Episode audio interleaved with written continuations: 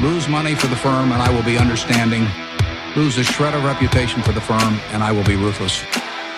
I welcome your questions.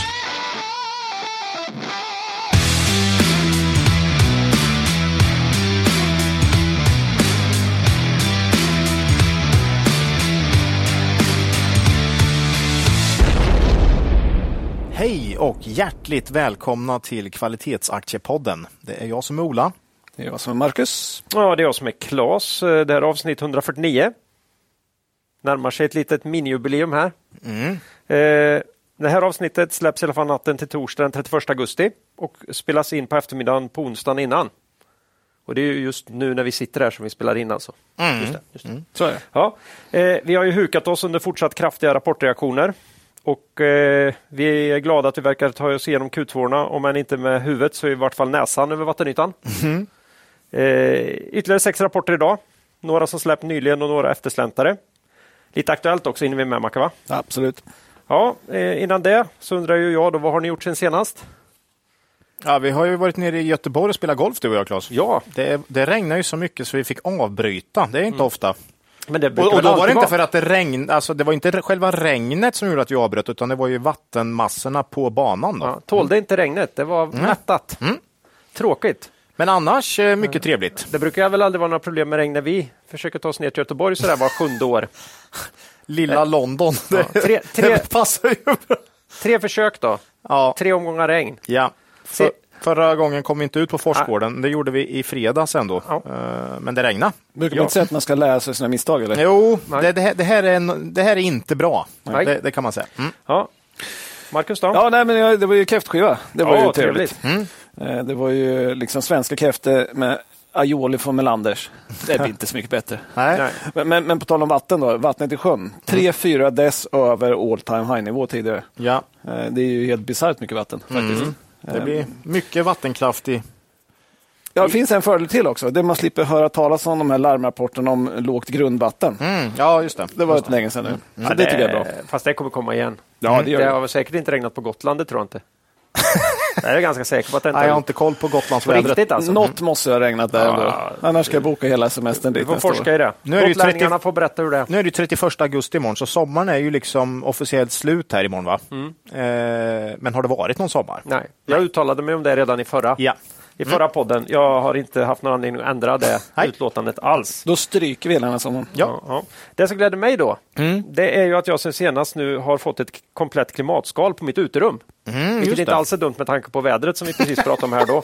Och att, och att hösten och vintern kommer här nu. Ja. Så jag ser an de här eh, kommande tiderna med tillförsikt, även om en del småfix återstår naturligtvis. Och jag har ju inte satt igång golvvärmen än, Nej, på riktigt. just det. det blir Sånt är spännande och lite ja, nervöst. Det är spännande, ja. Ja, de såg ut som elefanter, där gubbarna, när de trampade omkring vet du, när de göt. Ja. Jag tänker att du sätter Jag igång tror de det var där sus- superförsiktiga, och så hör du liksom såg. en liten smäll när du liksom trycker igång det där. Ja, uff. Ja, Eller ännu värre, det blir helt svart i hela huset. Ja, och fram, fram, framförallt så kan jag pumpa in hur mycket vatten som helst i värmesystemet och det tar aldrig, det tar aldrig slut. Nej, nej. Eh, så är det.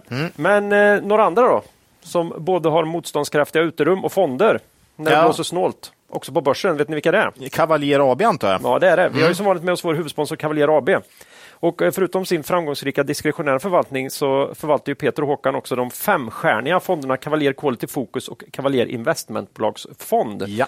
Eh, Ett innehav i Quality Focus här som både Peter och Håkan är riktigt stolta över i dagarna är ju Firefly. Eh, kom ju en riktig röker till Q2-rapport där. Och eh, då kan man tycka, varför lyfter vi det? Jo, Cavalier är den enda fonden som har ett innehav i Firefly. Utgör idag 2,6 procent av eh, fonden. Det är snyggt. Så de är högt upp på ägarlistan, topp 5 tror jag, bolaget. Ja. Eh, kan vara topp 6 också. Eh, Quality Focus är fortsatt den bästa fonden i Region Sverige på tre års sikt. Snyggt. Ska vi inte heller glömma bort då Cavalier Investmentbolagsfond som är den bästa investmentbolagsfonden på fem års sikt. Oj. Med en uppgång på 93 procent. Kul! Vi, Ja. vad, vad, vad stolt man är. Mm, Det blir man. Eh, vill man veta mer om fonderna och filosofin bakom hittar man all information man kan önska på kavaljer.se. Eh, man kan också prenumerera på de här informativa månadsbreven. Får man en kortare makrospaning och lite djupare information om några av bolagen i fonderna. Köper in sig i fonderna kan man göra på, hos Nordnet, Avanza och Saver. Och när vi pratar om fonder är det som vanligt viktigt att komma ihåg att historisk avkastning i fonder inte behöver vara en indikator på framtida avkastning och att ni kan förlora delar av ert satsade kapital då fonder både kan gå upp och ner i värde. Mm. Tack säger vi till vår huvudsponsor Cavalier AB. Börsdata då? Ja, vi vill som vanligt också tacka vår äldsta samarbetspartner Börsdata. Värdeinvesterarnas bästa vän. Mm. Är man inte medlem på Börsdata än så blir det. Alla medlemsnivåer och priser hittar man på borstata.se pristabell och tjänsten hittar man på borstata.se terminal. Ja, tack säger vi till Börsdata. Eh, innan vi går vidare i avsnittet vill vi påminna våra lyssnare om att aktieinvesteringar alltid innebär ett stort risktagande. Aktier kan både gå upp och ner i värde. Satsa därför aldrig kapital på aktier som du inte är beredd att förlora. Det vi säger i podden ska aldrig betraktas som köp eller säljrekommendationer. Gör alltid din egen analys av bolagen innan eventuell handel. Då kör vi igång med lite aktuellt va? Ja. Jajamän. Och som vanligt då så kollade jag upp sen senast eh, och det var bara minus 0,7 sen mm. senast. Ja. Där. Det känns som det varit eh, nattsvart nästan. Ja, fast det var lite, lite upp på slutet här. Ja, det är ju det. Det räddas upp av den här veckan som varit lite starkare. Jag tror det är många som har haft det ganska jobbigt i år och är lite frustrerade mm. när index ändå håller emot hyggligt. Mm. Ja, det är den stora skillnaden mellan storbolagen och småbolagen som vi har ja. pratat om. Ja. Eh, marknaden har inte varit jättesnäll mot kvalitetsbolagen här under sommaren. Nej. Eh, så att, eh, men, men, vi vet ju som vanligt inte varför det går upp och ner, utan det bara gör det. Ja. Man, man får gunga med liksom. Ja. och så göra det bästa av situationen. Eh, nu är rapportperioden slut då, det är mm. i princip. Det, det, är ju någon dag kvar här, men jag brukar, de bolagen som kommer de sista dagarna, det är ju sämre bolag. Ska jag, mm. säga. Eh, jag förstår inte varför något bolag som har några som helst ambitioner med informationsgivningen kommer sista dagen man får. Liksom. Man, man, borde kunna se vilka man kommer samtidigt som. så att säga. Mm. Ja. Jag har en tes som jag driver länge om att om man köper bolag som kommer sista dagen man får mm. Eh, och så behåller man dem över tid, då kommer man få en signifikant underavkastning. Mm. Det skulle vara kul att testa den där. Om du alltid är det samma? Nej, det är inte samma. Men det är ganska mycket samma. Ja. Fler än man tror som alltid liksom lägger sista dagen för att... Ja. Man kan kanske ta sista två dagarna ja. och sen göra en portfölj av dem. Ja, lite som Fakir-portföljen ungefär. Ja, det där kanske vi skulle testa. Ja, för det är jobbigt. Finns det inte någon student där ute som vill skriva ett uppsats istället? som kan göra det åt oss istället? Ja, så kommer den uppsatsen heta Late Bloomers. Det visar sig att det är, det är... superframgångsrika bolag. Ja, I sådana fall äter jag upp min hatt eller något sånt. Det, det, kan oh. jag inte tänka mig. Liksom. du har ju ingen hatt, så det, det, är ofarligt. Ja, skaffa fram en hatt, det kan du ge dig på. Det ska jag göra. Ja. Det kan man göra av marsipan och sånt. Ja, ja, ja. Ja nej, men i alla fall, skämt åsido, jag, jag förstår inte varför man kommer så sent. Man ska inte behöva göra det. Den enda ursäkten till att komma så sent är om man har gjort någon liksom, stor transaktion, man byter redovisningsprincip, ja. någonting som gör att det är extra svårt. Liksom. Mm. Annars är man bara slö. Ja, man verkar prioritera annat, ja. Mm. Jag såg att Pinpoint också hade gjort en sammanställning av rapportperioden så här mm. långt. Och det är det mesta har ju kommit ändå. 45 procent av bolagen har överträffat konsensus tog de med. Det mhm. innebär att 55 procent inte har gjort det. Då. Ja. Så det är väl halvdåligt kan man säga. Ja. Så. Eh, två skäl då, kanske till att eh, ja, bara 45 procent har kommit bättre. Eh, ja, lågkonjunkturen ju till lite grann. Mm. Lite mer än vad folk trodde kanske. Vi har ju sett det, särskilt bygg och konsument har ju riktigt tufft. Ja. Eh, måste man ju säga. Mm. Eh, och sen kan man tänka sig att privatinvesterare kanske är generellt sett lite mer positiva mm. till marknaden ja. Eh, som, som kollektiv så att säga, och ligger lite högt. Då. Eh, så. Eh, om man tittar på statistiken då. Ehm, så, så den som missar förväntningarna går ner 3,2 procent den här rapportperioden. Den här senaste? Nu. Eller man gick upp 3,2 procent. Den som den som kom nu, alltså Q2. Ja, den, de som överträffar De som överträffar 3,2 procent upp. I snitt. Ja. Eh, och de som missar 4,2 procent ner. Mm. Så 1 procent ja, mer smäll än de som man blir glad över. Så att säga. Mm, mm, mm. och jag trodde nästan skillnaden skulle vara större. Jag trodde jag med. det har ju känts så i alla fall. Ja, Ja, det har varit hejdlöst deppigt ibland alltså. Mm. Ja, alla som har varit lite svaga har ju fått liksom 10-15 procent känns det som. Mm. Ja. Eh, men vi får lita på deras statistik där. Ja, ja. Nej, vi har ju tagit några rejäla smällar. Kommer väl, eh, ja, två av dem tar vi upp idag. Mm. mm. Ja. Eh, sen är väl också så att man kunde se att large cap där så hade 49 procent överträffat förväntningarna. Det är ungefär 50-50 alltså. Ja. 42 procent på midcap och bara 32 procent på small cap. Mm, ja. Det är ju ganska stor skillnad. Ja, det är stor skillnad. Uh, och, och, och, små bolag presterar sämre. Då. Uh, här skulle det kunna vara att, att mindre bolag generellt sett är mer exponerade mot svenska marknaden. Ja. Det tror jag tro. generellt att de stora bolagen är mer på global marknad. Ja. Och, och Sverige verkar ändå ha fått eh, har, har det lite tuffare än många andra länder nu. Ja, det säger nästan alla bolag. ja, ja. Så, så det, det, det, det har säkert en förklaring där tror jag. Så att, eh, nej, men det, det är nog en orsak. Eh, och en sista sak här då, att eh, de, när ett large cap-bolag överträffar förväntningarna, då går de upp 2% och får 4% smäll om de missar. Mhm. Small cap-bolaget går upp 4 eh, om de överträffar och ner 8 vid miss. Mm, ja. Så dubbla effekten på småbolag. Mindre volym kanske också. Ja. Jag vet inte. Eh, På något sätt. Inget, Nej, jag- ingen som suger upp aktierna utan det bara vill, nå- vill folk ur så bara eh, rasar det. Liksom. Ja, jag tror det, det måste vara det det hänger Ja, på. mm. Eh, och det har vi sett i sommar nu. Det är ganska tunna orderböcker där ute. Ja, verkligen. Och hänger i länge här nu in på hösten känns det som. Eh, och det har väl också att göra med intresset för aktier inte är jättehögt nu då, Mm. skulle jag tro. Nej, för vi har ju sett det. Det, det har inte, känns inte som att de kommit tillbaka alla, i, alla som handlar så att säga. Vissa aktier som vi följer Men man, ska, jättelite omsättning. men man ska ju helst inte börja investera i aktier när, när alla pratar om aktier. Nej. Utan det är ofta bättre när, när folk inte är så sugna på att köpa aktier. Ja. Historiskt har det varit mycket bättre. Så att, mm. Mm. Nej, men så det kan vara ett tips. Där Ja. ute. Eh, går vi över till bolag då. Eh, 22 augusti så rapporterar DE att eh, teknikbolaget Charge Amps köps upp för 724 miljoner av kinesiska NAS Technology.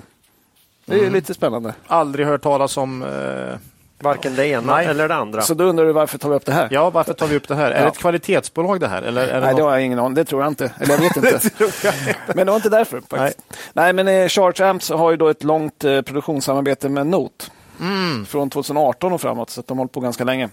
Och enligt uppgifter i Affärsvärlden så är ju liksom 5-6 procent av Notes hela omsättning Charge Amp. Inte 56 då, som, Nej. i, in, som i Incaps fall, utan Nej. 5 till 6. 5 till 6. Men det är fortfarande stort. Ja. Jag tror det är en av de största kunderna. Okej. Och då är frågan vad händer med den volymen då? Om Mm. den här affären går igenom som det ser ut då? De här NAS, eh, de heter ju säkert något helt annat på kinesiska. Hiphoppare finns det som heter Nas, vet jag. Ja. det var inte, Kan det var vara inte han som Kan köpte. Det kan vara dem. Kan han vara De sponsrad är av dem? då? jätterika de där hiphopparna. Ja, det kan de vara. Ja, jag tror inte att det är han i alla fall. Men, men i alla fall, de säljer liknande produkter. Eh, och borde ju då ha egna produktionslösningar. Mm. Eh, och i ett negativt scenario då skulle de kunna flytta sin volym som är hos Note idag till, till någon annan eh, produktionsanläggning. Det blir ett ganska rejält bortfall Mm. om man tappar största kunden. Om man då vill se glaset halvfullt då, så skulle man kunna tänka sig att det kommer in en än mer kapitalstark ägare av Charge Amps och som då kan tillföra kapital Mm. och kanske öka eh, liksom, produktionen. Eh, och liksom, ja, vilja ha produkter som är tillverkade i Sverige. Lite grann som det här med Made in Sweden som Waystream Mm. gör Ja, med, ja. de produkterna som Note gör. Just det. Liksom, kinesiska produkter har ju haft lite problem på marknaden i väst på slutet. Mm.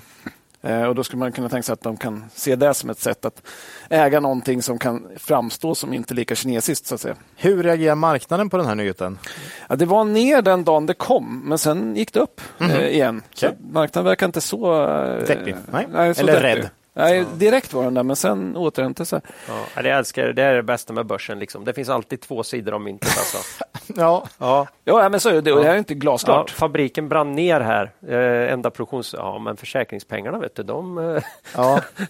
Ja, de täcker oss. Kan vi Ja, det så blir kan vi bygga, extra så till kan vi med, bygga upp en effektivare Ja. fabrik sen efteråt. Och det där lite också börshumör. Ja, ja, ja. Alltså är börsen på ett på. humör, ja då är det liksom äh, nattsvart. Ja, det här är katastrof liksom. Och på andra, ja, men du vet en hög ränta visar ju ändå på Att det är fart i ekonomin. fart i ekonomin. Liksom. Nej, men så att det där är ju mm, det är intressant. Ja, är De eh, hade ett uttalande där också från, från Alex Wu. Han är medgrundare eh, och finanschef på NAS. Då. Eh, vi är mycket glada att välkomna Charge Amps team och varumärket till NAS-plattformen, vilket markerar en viktig internationell milstolpe för oss. Vi är väldigt optimistiska för framtiden på elbilsmarknaden i Europa och dess laddningsinfrastruktur under, som det kommer innebära. Så det låter som att de ska satsa i alla fall. Och då är frågan om de gör, gör de det via Note eller gör de själva? Vi får hoppas för Note att de behåller Note. Då. Ja, men, men vi får väl se. Det, det kommer väl en rapport här sen som, som kanske kan ge lite vägledning. Q3 Men det är alltså en av deras största kunder Ja. med 5 till 6 procent. Ja, är, då har de bra Ja, spridning. de har jättebra spridning. Ja, mm. Det är inte Incap här. Nej. Eh, Så att säga. Eh, Sen är Note är liksom minus 32 procent på tre månader. Ja, många av de här kontraktstillverkarna har ju tappat rejält. Jag var ju med i den här Affärsvärlden-artikeln. Eh, och det har ju varit väldigt, väldigt liksom mycket prat om dem. Men där kände jag ändå att det var väldigt svårt att, alltså att, att bli intresserad när aktier har gått upp flera hundra procent på ett par år medan andra kvalitetsbolag har tappat 50. Det blir ju på något sätt ändå att man letar det som för tillfället är lågt värderat inom kvalitetsbolag. Men eh, de har ju gått vansinnigt, alltså verksamheterna har ju gått oerhört bra. Och det finns, det känns som att det ligger någon strukturell grej bakom de här. Ja, vi tror ju det i alla fall. Ja, eh, sen kanske en eh, lågkonjunktur ändå gör att den att det inte blir så jättebra. Men strukturellt så finns det något där. Det, det som man möjligtvis kan vara lite fundersam på är att eh, nästan alla av dem har ju expanderat marginalerna ganska mycket. Ja. Hur långt kan man ta den resan? ja, den, är ju, den ska ju bara gå till en viss gräns också. Ja, det ja, brukar göra det i Ja. alla fall. Till och med Evo har ju sta- stannat upp i Nej, expansionen det, det, det, av tror jag inte marginalerna. på. det tror jag inte på. Måste vara något räknefel. Lador med människor i, det kan vara hur högt som helst. Ja. Don't go there, Ola. Nej, jag ska inte gå där. Eh, ja, det, vi får se i nästa rapport om de säger någonting om det. Intressant. Sen hade vi ju Bahnhof kommer med Q2-rapport här, 22 augusti. Eh, inline på omsättningen, lite vek på resultatet mot vad vi trodde. Eh, men huvudnummer var inte där då, utan det var ju den här informationen om expansion till resten av Norden. Just det. Nu är vi tillbaka där Nu vi- igen. ja. Nu är vi där igen. Hur Var länge sedan var, det det, de hade Det var en lite svagare rapport det här, eller? Ja, precis. Oh, det, Claes, fan, det är on fire idag alltså. Det är lite som Magnus Uggla när han körde den här Jag mår illa, vet ni va? Nej, men du- du är inte helt fel off. För att, eh, precis så var det ju så att förra gången de pratade om det här så var det ju när Q4 eh, 21 kom, som var en ganska svag rapport. Då började de ju hinta om det här. Ja, Ja, då var det väl mer Norge specifikt, va? Jag, jag tror de har bullet med både Norge och Danmark. Ja, kan det ha varit. Kan Men ha nu är varit. det Finland, faktiskt. Ja. ett så kallat köttben, eller? Ja, men alltså det, det börjar spridas lite rykten på sociala medier innan eh, rapporten hade kommit. Eh, någon som visade att de hade någon blänkare där med, med, med Finland. Liksom. Eh, och, eh, men de hade inget pressmeddelande. Liksom. Det är också lite konstigt tycker vi. Det, Så, de är lite hemliga. de är lite hemliga. Eh, men sen nu i rapporten så sa man att man har öppnat försäljningskontor till och med i Helsingfors. Oj, nej, men då är det på gång här. Så nu känns det verkligen på gång. Spännande. Eh, Så vi får se lite grann eh, ja, hur snabbt det går. Då, så att Mm. säga. Eh, Men, men vi tycker de kunde kanske PMat om det här. Då. Eh, Så. Eh, och För sen- det är ju en stor grej om de kan öppna upp och få rejält fäste på en ny marknad. Det är ju en jättegrej. Alltså. Ja, vi har ju pratat om det. ja, ja, visst. Samtidigt höjer risknivån lite grann. Ja, Så är det ju. Kan ju pour some money där. Ja. Eh, Utan, man Ska vet de ju bygga något stort datacenter i Helsingfors? det har de inte Bam, sagt. bam, psh, ja. Ja. Eh, Men lite grann på det temat då. Mm. Eh, Så sa man i rapporten att de har haft engångskostnader då. Dels för bytet till First North, de har ju flyttat dit då. Eh, Och sen uppstartskostnader för utlandssatsningen. Mm. Men, säger inte hur mycket var. Nej. Det är ju lite irriterande, vi gillar inte riktigt sånt. Nej, man vill ju gärna veta. Är det fem miljoner? Är det tio? Är det Ja, eller- eh, 500 000? Ja, det är bra att veta. Ja, särskilt ett kvartal när eh, lönsamheten kommer in lite på svaga sidan. Ja, då vill man ju gärna veta. Ja, är det då engångsgrejer eller ja, Men, men det är ändå snyggt att det är kostnader som de inte spesar. För vissa spesar ju inte in. Alltså, vi har fått eh, en del engångsintäkter här. Ja, det är ännu värre. Det är, men det här är ju ändå liksom... men, Ja, men man, Nu ska du inte försvara dem. Det här Nej, okej dåligt. då. Man ska skriva ut det. Okej. Om de lyssnar så skriv ut istället vad det är. Säg inte att man har engångs, engångskostnader. Så berättar man Ak-. Academedia rapporterar idag, de har ju en hel tabell Ja. med, eh, med engångskostnader och eh, då, då kände jag från början att ah, det där det är ju liksom inte det kostnader i rörelsen. Men när man inser att det bara blir rad på rad på rad på rad för det är någonting nytt de hittar på hela tiden. Så, men de spesar det ner på miljonen när. Men engångs, om det är liksom en tabell med då, ja, då börjar det bli jobbigt. Ja, alltså. fast, eh, då är man ju noga i alla fall Ja, och berätta jo, vad det är, så kan visst. du göra din egen. Får, Ja. ja. men då gör jag min egen bedömning. Jag kan säga att vissa av dem ser jag inte riktigt som engångskostnader. Nej. Annat uppenbart engångskostnader. Den är ju bra, för så gör ju faktiskt vi Ja. när vi får spesat engångskostnader. Och säger vi det här tycker vi, det här är vi inte överens om. Så det var dit jag engångskostnader." ville komma. Ja, ja, att, den är eh, bra. Ger de mig den transparensen Ja. så kan jag dra mina egna slutsatser. Transparens är ju vi för generellt. Ja, Mm. och här har faktiskt Bahnhof lite att jobba på. Vi gillar dem, men de har lite att jobba på det. Men, men det var Buss sa, i, i vår Excel så, så kom, alla siffror är inte de exakta som de har Nej, publicerat nej, nej. direkt, utan vi justerar för vissa och vissa inte. Så här, så. Ja. Kundförluster, så här, tveksamt. Framförallt om det sker med i stort sett varje kvartal som det gör i vissa bolag. Då, Ja, nu följ- tycker inte jag man ska ha kundförluster som... Nu, nu följer inte vi Electrolux, men de har ju såna här engångsposter för nedlagda fabriker Ja. varje kvartal Ja. i flera år i rad. Då, Jag hoppas inte de skriver, för, för, för ibland skriver de inte engångs... Nej, utan jämförelsestörande. Jämförelses, ja. Mm. Så det, man får ju också fundera på det lite. Mm. Mm. Nej, men så, ja. Nej, men vi får se den här utlandssatsningen. Jag gillar ju Bahnhof, kan jag säga. Ja, Både vi... vi har det ju här, eh, har det hemma, tycker det funkar superbra. Ja, tjänsten, tjänsten är, ju, är ju jättebra. Ja, och bolaget har ju presterat jättebra, ja. så vi, vi, gillar ju dem. Det är bara att vi, vi, det finns lite att jobba på. Ja. Ehm, men som sagt, det ger ju mer tillväxtpotential, mm. får vi se. Ehm, börsen då surar lite på rapportdagen. Ehm, det var minus 3 då, men var initialt minus 6-7 tror jag. Ja, det är så. ganska mycket för Det är så pass stabilt ja. så det är sällan det rör sådär. Och Det var väl det här med att eh, liksom, resultat var lite sämre. Men ponera då att de hade sagt eh, liksom, att det var två miljoner för First North och mm, tre mm. miljoner för utlandssatsningen. Då kanske marknaden tyckte att då var, var det okej. Okay. Förmodligen. Så det, det, är inte säkert att de vinner på att vara hemliga. Menar. Nej. Nej, det är ju sällan man gör skulle jag säga. Ja. Det är o, jag, jag, tror det är oerhört sällan. Även de som känner att det är något de verkligen inte vill berätta för att de tycker det är ja, att det förmodligen inte skulle gynna bilden av deras verksamhet. Mm. Så är det ändå så att marknaden slipper spekulera. Ja. Bara den kan göra att man kan höja P talet lite för man vet. Man, man vet. Mm. Riskpremien behöver inte vara så stor. Nej, vi pratade om det med Betsson. Det är ja, bättre om de skriver mycket som är Turkiet. Ja, ja precis. Slipper alla fundera så mycket. Ja. Eller ibland kanske det är bättre att de inte. Nej. Nej, jag tycker inte det. Jag, nej, men, jag, jag, tycker det. Men visst. Eh, nej, jag, jag, nej, transparens. Man måste transparens. kunna stå för sin Man måste kunna stå för sin verksamhet och vi, så öppet som möjligt redovisa eh, verksamheten. Ja.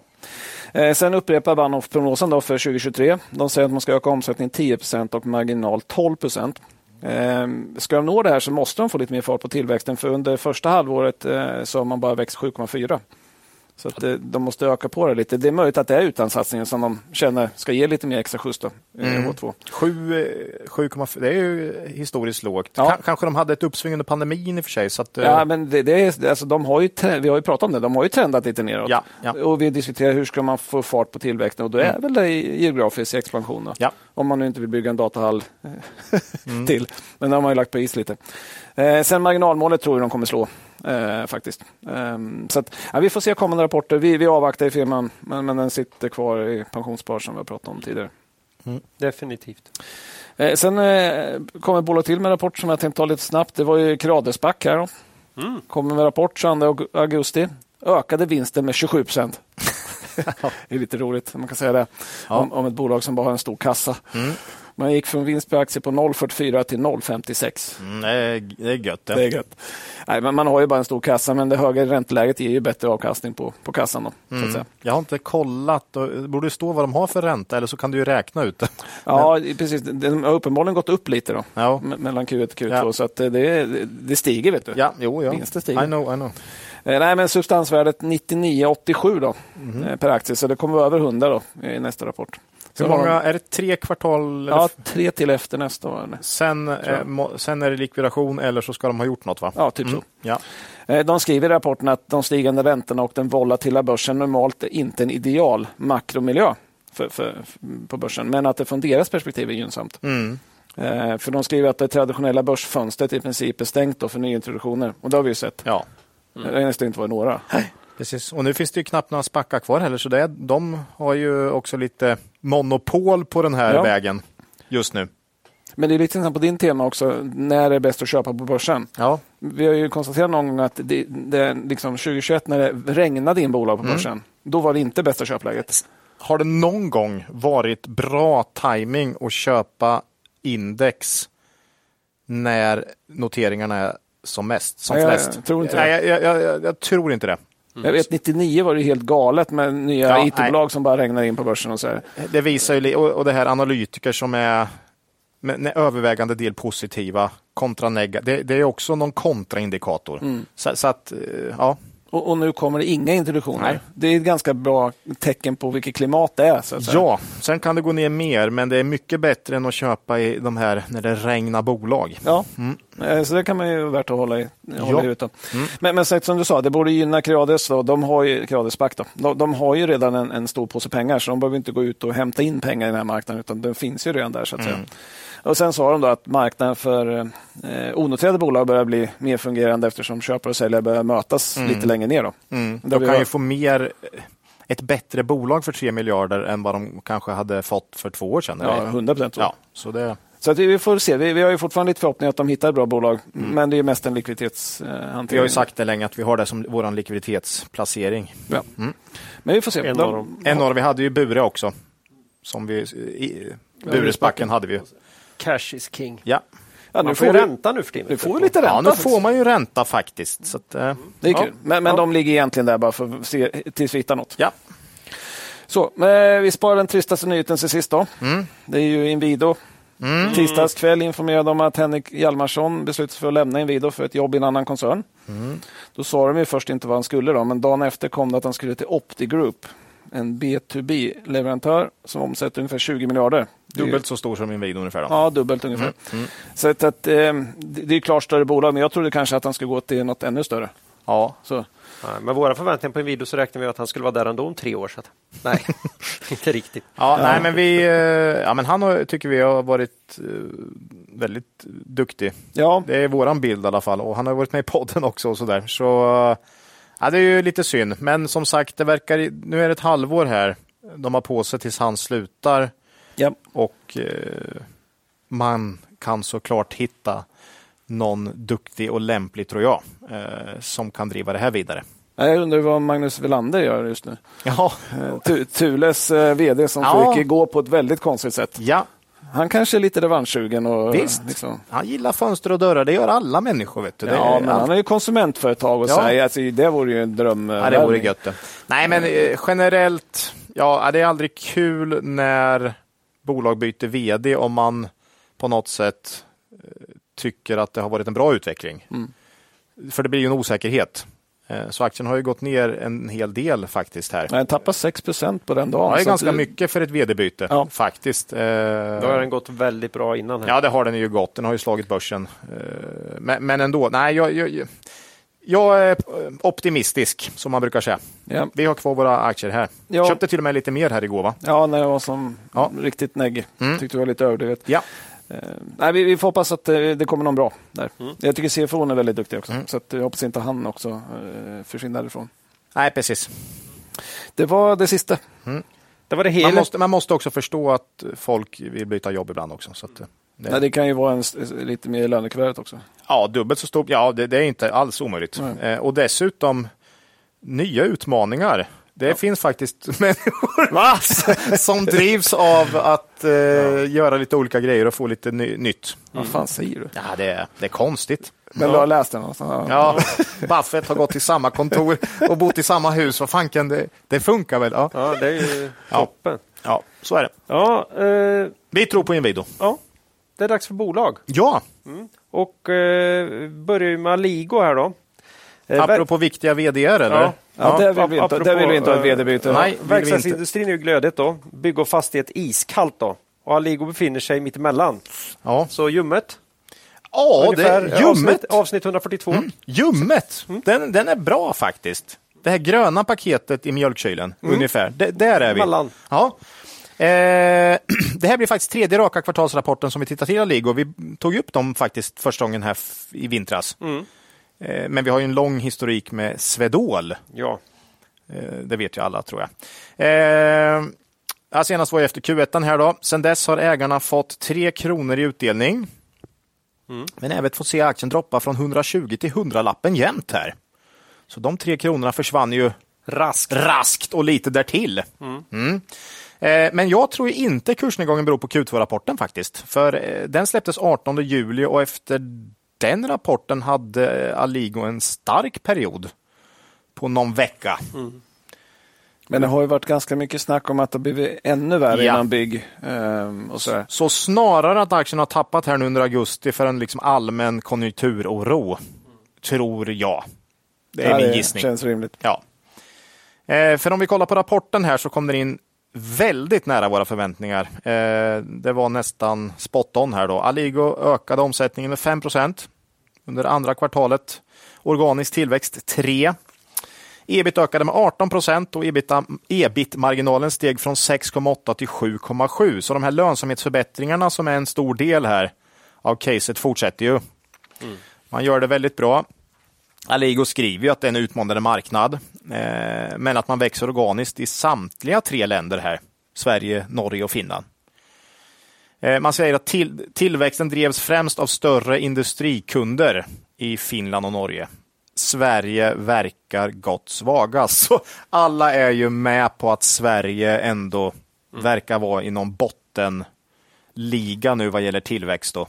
Som svensk är det lite deprimerande när alla bolag säger samma ja, sak. Eh, samtidigt då, då, om man tar det vi var inne på sist, när, förut här, mm. när det ser som mörkast ut så är ju också förväntningarna oftast väldigt lågt det ställda. Det skapar uppsida. Det skapar uppsida. Förväntningar, det är ju Manger yep. som har sagt, va? Eh, är ju det bästa yep. för en lyckad investering.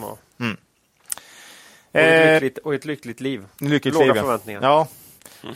Precis. Eh, nej, men jag måste säga att jag tycker att Aligo gör det bra på en tuff marknad och det finns liksom ingenting i rapporten som tyder på det, att det här långa caset med eh, organisk tillväxt plus förvärv och lönsamhetsförbättringar ska liksom spela ut.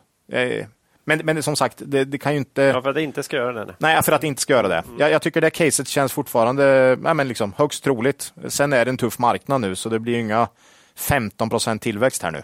Eh, eh, så det är inte jättemycket nytt att säga här. Styrelsen har beslutat om återköp. Jag såg att man köpte ett block här på cirka 107 kronor för några veckor sedan. Det stod väl till förvärv eller för att justera liksom, kapitalstrukturen. Ja, exakt så. så vi får väl se vad de ska göra med de där aktierna. Eh, som så mycket annat här nu så är det nästan alla bolag man kollar på är ju den här klassiska kortsiktiga utmaningar mot låg värdering som man alltid nästan kommer... Jag tror vi kommer återkomma till det. Ja, vi, kan liksom- nog, vi kan nog stanna där. Vi kan nog stanna där. Ska vi döpa... Så att det är ett valfritt bolag. Kan vi inte döpa podden till kortsiktiga utmaningar mot låg värdering? Ja. Mm, mm. Nej, men alltså det är där vi står nu i oerhört många aktier. Eh, det är tufft, men värderingarna är också väldigt låga i många fall. Eh, vinst per aktie för senaste fyra kvartalen om vi kollar bakåt är 10 kronor. Det är ju P10.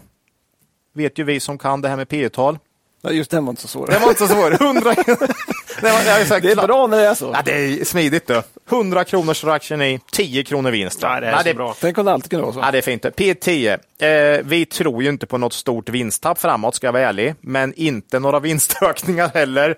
Vi ligger hyggligt flät, kanske svagt ner i våra prognoser för vinst kommande kvartal. Men som sagt, vi tycker aktien är lågt värderat och för oss har det långa caset inte förändrats. Det står väl lite svag marknad mot eh, de förbättringar man hela tiden gör. ja, och som sagt, man ökade lönsamheten här i, i Q2. Men om, om, om konjunkturen blir för jobbig så går ju inte det heller om du tappar omsättning för mycket. Eh, så att vi får se. På kort sikt har vi ingen aning om vad börsen gör med Aligo här. Eh, och det är ju som sagt alltid lurigt när bolagen inte ökar vinsterna och marknadssentimentet är svagt. Mm.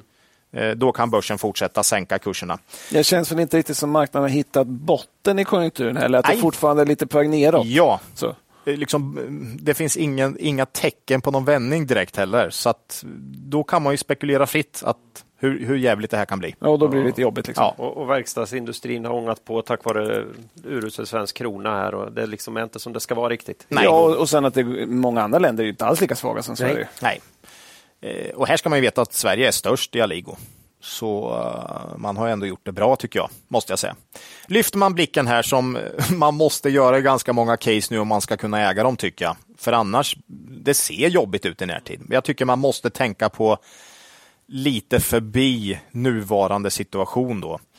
Eh, så tycker jag det är mycket man kan eh, gilla med Aligo. Det är ett välskött bolag, bra potential för tillväxt. Som jag sa, både organiskt och förvärv. Och sen har du de här fortsatta lönsamhetsförbättringarna. Och vi gillar ju ledningen. Klein förtroende. Um, vi, vi, tycker att den har levererat hittills ja, också. Ja, jättebra. Men, men fått marknaden emot sig kan man ja, säga. Marknaden är emot dem nu, som, mm. som många bolag.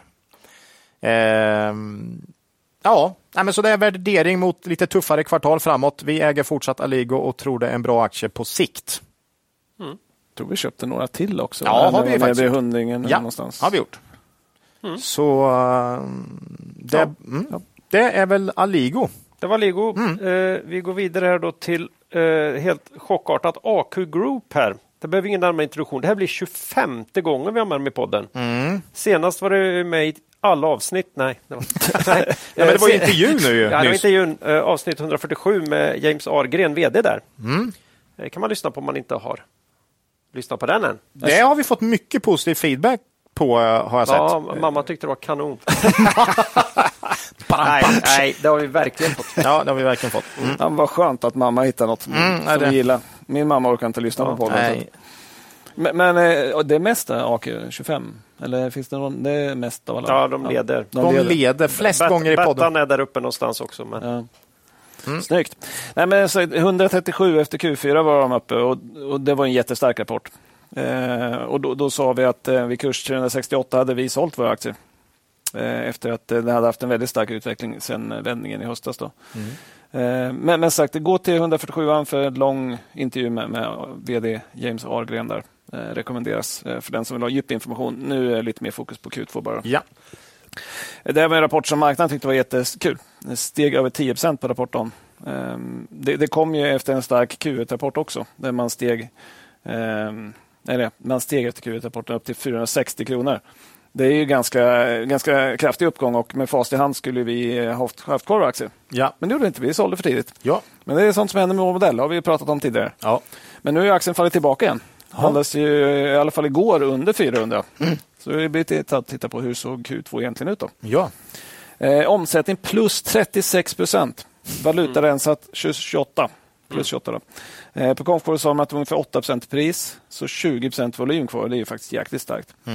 Eh, och då är ändå Q2 eh, 22 då. Jämförelsekvartalet var eh, bra också. Man steg 26 procent då. Så det var inte att man hade ett jättelätt eh, jämförelsekvartal. Då. Eh, AQ anger så här, då, man säger att ökningen kommer från komponenter och system till lagring av förnybar energi, kablage till lastbilar, bussar, fordon inom försvarsindustrin samt induktiva komponenter för elektrifiering och till marinsegmentet. Det är ungefär vad man har sagt förut. Det, det går bra inom liksom lastbilar, det går bra inom grön energi och lagring av, av eh, eh, ja, El. el. Det är ju lite det man vill höra på något sätt. Ja, men det känns som saker också som skulle kunna fortsätta gå bra. Så att säga. Eh, sen, sen har man ju också kommit igång med produktionen i de här nya fabrikerna i Litauen och Bulgarien, som jag pratade om tidigare. Då. Eh, man säger att man har över tusen fler anställda i fabrikerna nu än vad man hade för ett år sedan. Då. Det är ganska stor ökning ändå för dem. Eh, tittar man på resultatet då, rörelseresultatet steg 90 procent Ja, det är till 203 miljoner. oerhört starkt alltså. Ja, det är bra. Marginal 8,7 procent. Det är kraftigt upp från 6,2 förra året, då. men då var det ganska svagt. Men man har mål på 8 va? Ja. Ungefär. Eh, så, Alltså. ja, Men, 8, 8 EBT va? exakt. Ja, Efter ränta. just Det, det. det, det, det tog han upp i intervjun här, att han säger att ränta är ju faktiskt en kostnad också. Ja, det är snyggt. Och den börjar kännas nu Ja, dessutom. och det är det här vi gillar. Ja. Eh, Men sagt 8,7 procent och man kom över det här marginalmålet på 8 procent. Ja, de har gjort nu faktiskt två kvartal i rad. Det, tog, det var annars, ja, det, det var ganska länge sedan. Så att, säga. så att man har verkligen förbättrat lönsamheten. Och, och i Q1 så steg resultatet med 80 procent. Så att väldigt, två väldigt starka kvartal i rad. Man säger att man jobbar med effektiviteten. Man har bland annat stängt en fabrik i Falköping, flyttat produktionen till andra Vad fabriker. fan säger du? Ja, men det är ju Klas hemmatrakter de har lämnat. Jaha, är det Du ser, ingen centimeter... Liksom. ingen sentimentalitet? Eller, Jag tror du sa ingen fingerspitzgefühl, tror du du skulle säga. Men visst. men Nej, men ingen all, sentimentalitet. alla nej. fick dock eh, Svea rikes vagga och så, nej, nej gå vidare, gå vidare bara, jag vill, orkar inte. alla fick dock eh, möjlighet att, att flytta med till Bulgarien om de ville. Kan du inte bara skriva in sånt här i manus och chocka mig på det här sättet? Jag sitter ju här och är helt matt nu. Nu ser inte ni att Claes gråter. Men, eh, Ja. ja, nej, det, det är jobbigt. Men Det är men, jobbigt. men det är effektivt i alla fall. Ja. Så. Eh, sen har man vänt resultatutvecklingen i ett par av fabrikerna som presterar sämst. Då. Ehm, så att, eh, och sen har man ju de här prisökningarna. Då. Eh, 8 procent nu, jag för mig var 10 procent man sa tidigare. Då. Så att, eh, och det är ju många bolag som pratar om det, att prisökningstakten eh, saktar ju av nu. Det, det tror jag vi kommer se en del bolag också som inte har samma omsättningsökningar som de hade Ja, tidigare. Även de som inte sa att det var pris. så.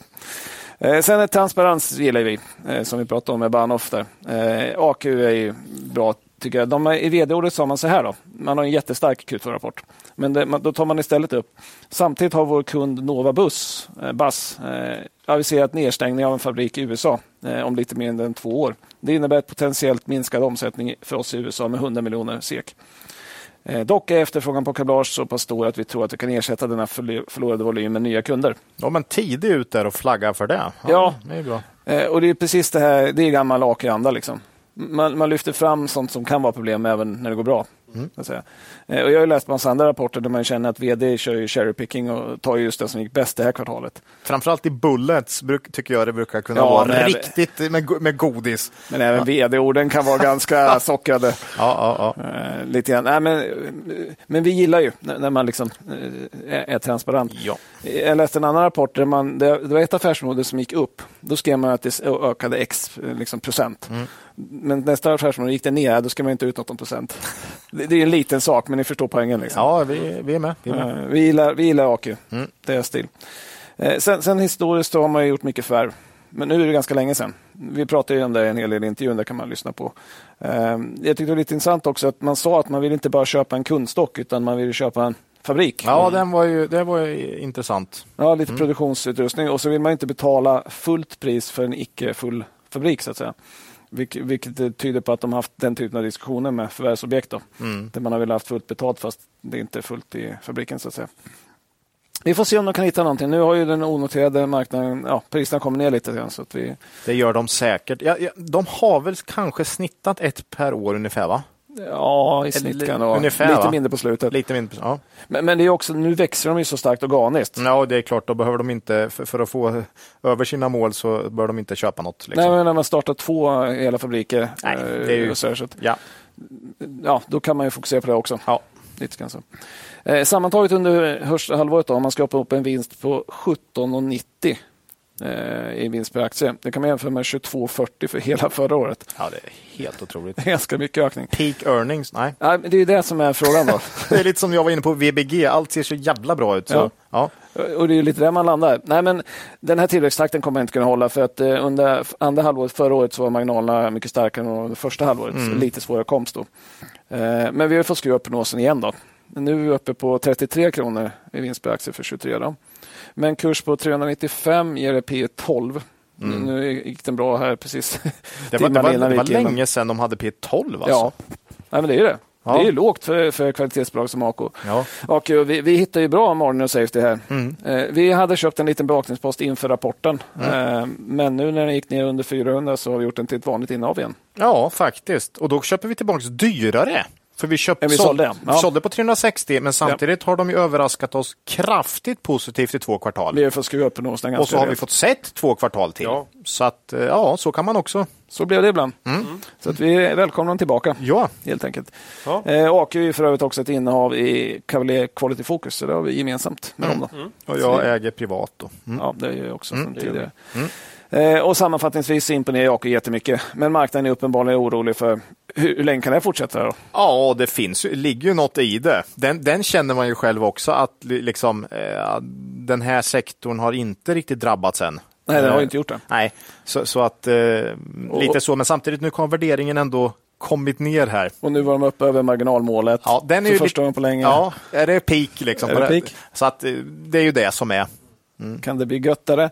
Ja. ja. vi får se. Men, till skillnad från, eh, från en del eh, liksom, branschkollegor som, som Kitron och Not och de här som tappade på att marknaden oroar sig för avstannade orderbok så ger ju inte AQ några siffror på orderboken. Så Nej, slapp de ju smart alltså. Mm. Nej, det, det, det, kan man kanske vilja ha också. Men eh, nej, bra, stark rapport. Marknaden är lite orolig. Vi får se vem som har rätt mm. framåt. Men vi är tillbaka i AQ. Mm. Ja, det var AQ Group. Eh, då har det blivit dags för Nordnet faktiskt. Eh, eh, så är det. Sommaren lider mot sitt slut då. Och ja, vi är inte ensamma att se fram emot vad den här börshösten har att erbjuda. Sparplattformen Nordnet är inte bara vår sponsor utan också en aktör som vi själva gärna använder för våra aktieaffärer. De ligger i framkant när det kommer både till produktutbud och användarvänlighet. Och vi, ja, vi är ganska krävande kunder. Vi kunde inte vara nöjdare. Så har man inte provat på att handla på Nordnet än så är det hög tid att göra det. Eh, så ny, ny kund handlar man dessutom helt gratis på Stockholmsbörsen. Eh, så som jag ser det så finns det inte ett enda vettigt skäl att inte testa och utvärdera. Eh, många använder främst av bekvämlighet samma bank eller handelsplattform år efter år. Augusti månad. Nu är det, börjar det ont om tid här. Ja, Men det är en tid för omstart och nystart.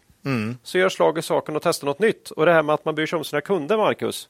Ja, men det har varit en diskussion kring de här courtageklasserna och att det bara går att byta en gång i månaden. Eh, Så nu hade ju Nordnet lyssnat på kunderna och nu kommit ut så sent som i tisdags med att man kan byta courtageklass eh, varje dag istället.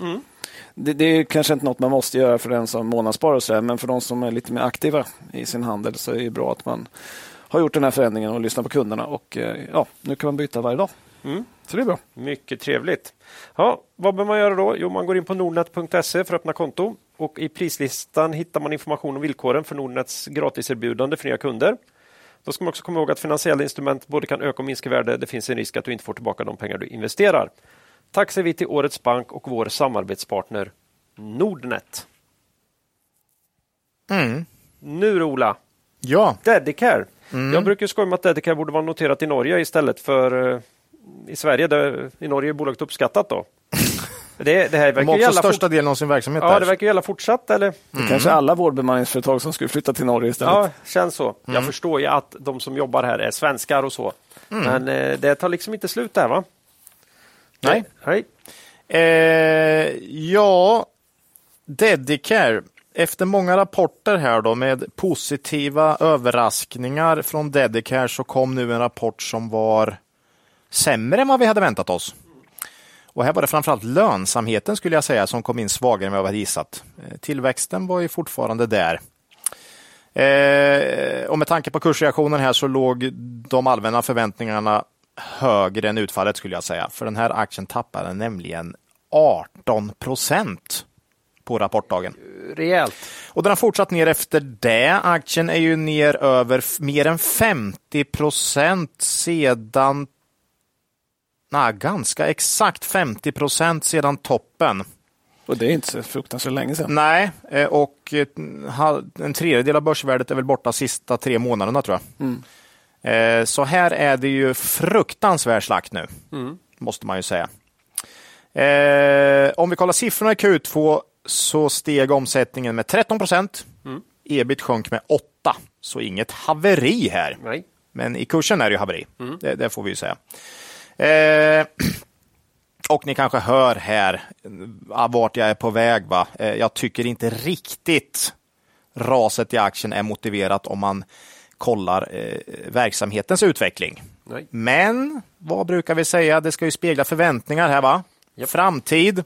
Och jag antar att marknaden helt enkelt är livrädd för framtiden för Dedicare. Eh, I alla fall på kort sikt. Och det är väl ganska mycket negativa skriverier, Ja. om särskilt Sverige. Ja. Eh, så.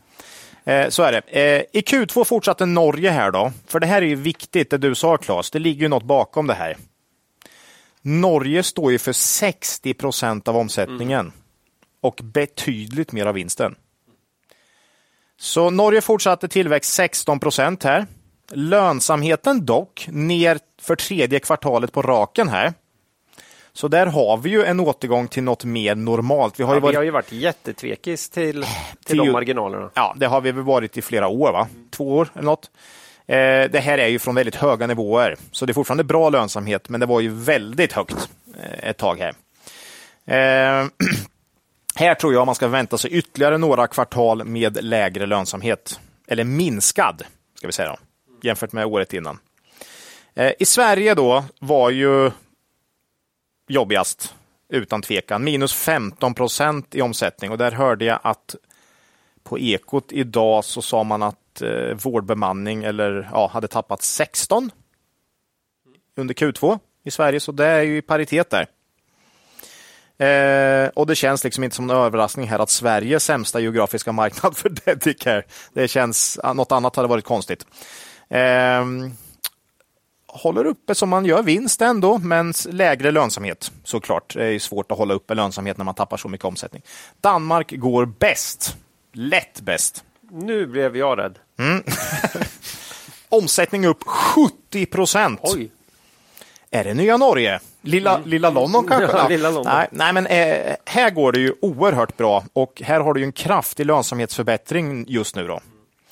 Eh, dock mycket mindre. Det här, är- om, jag ska, om vi tar den, ja, vi kan ta UK med då, som man förvärvade här för snart ett år sedan.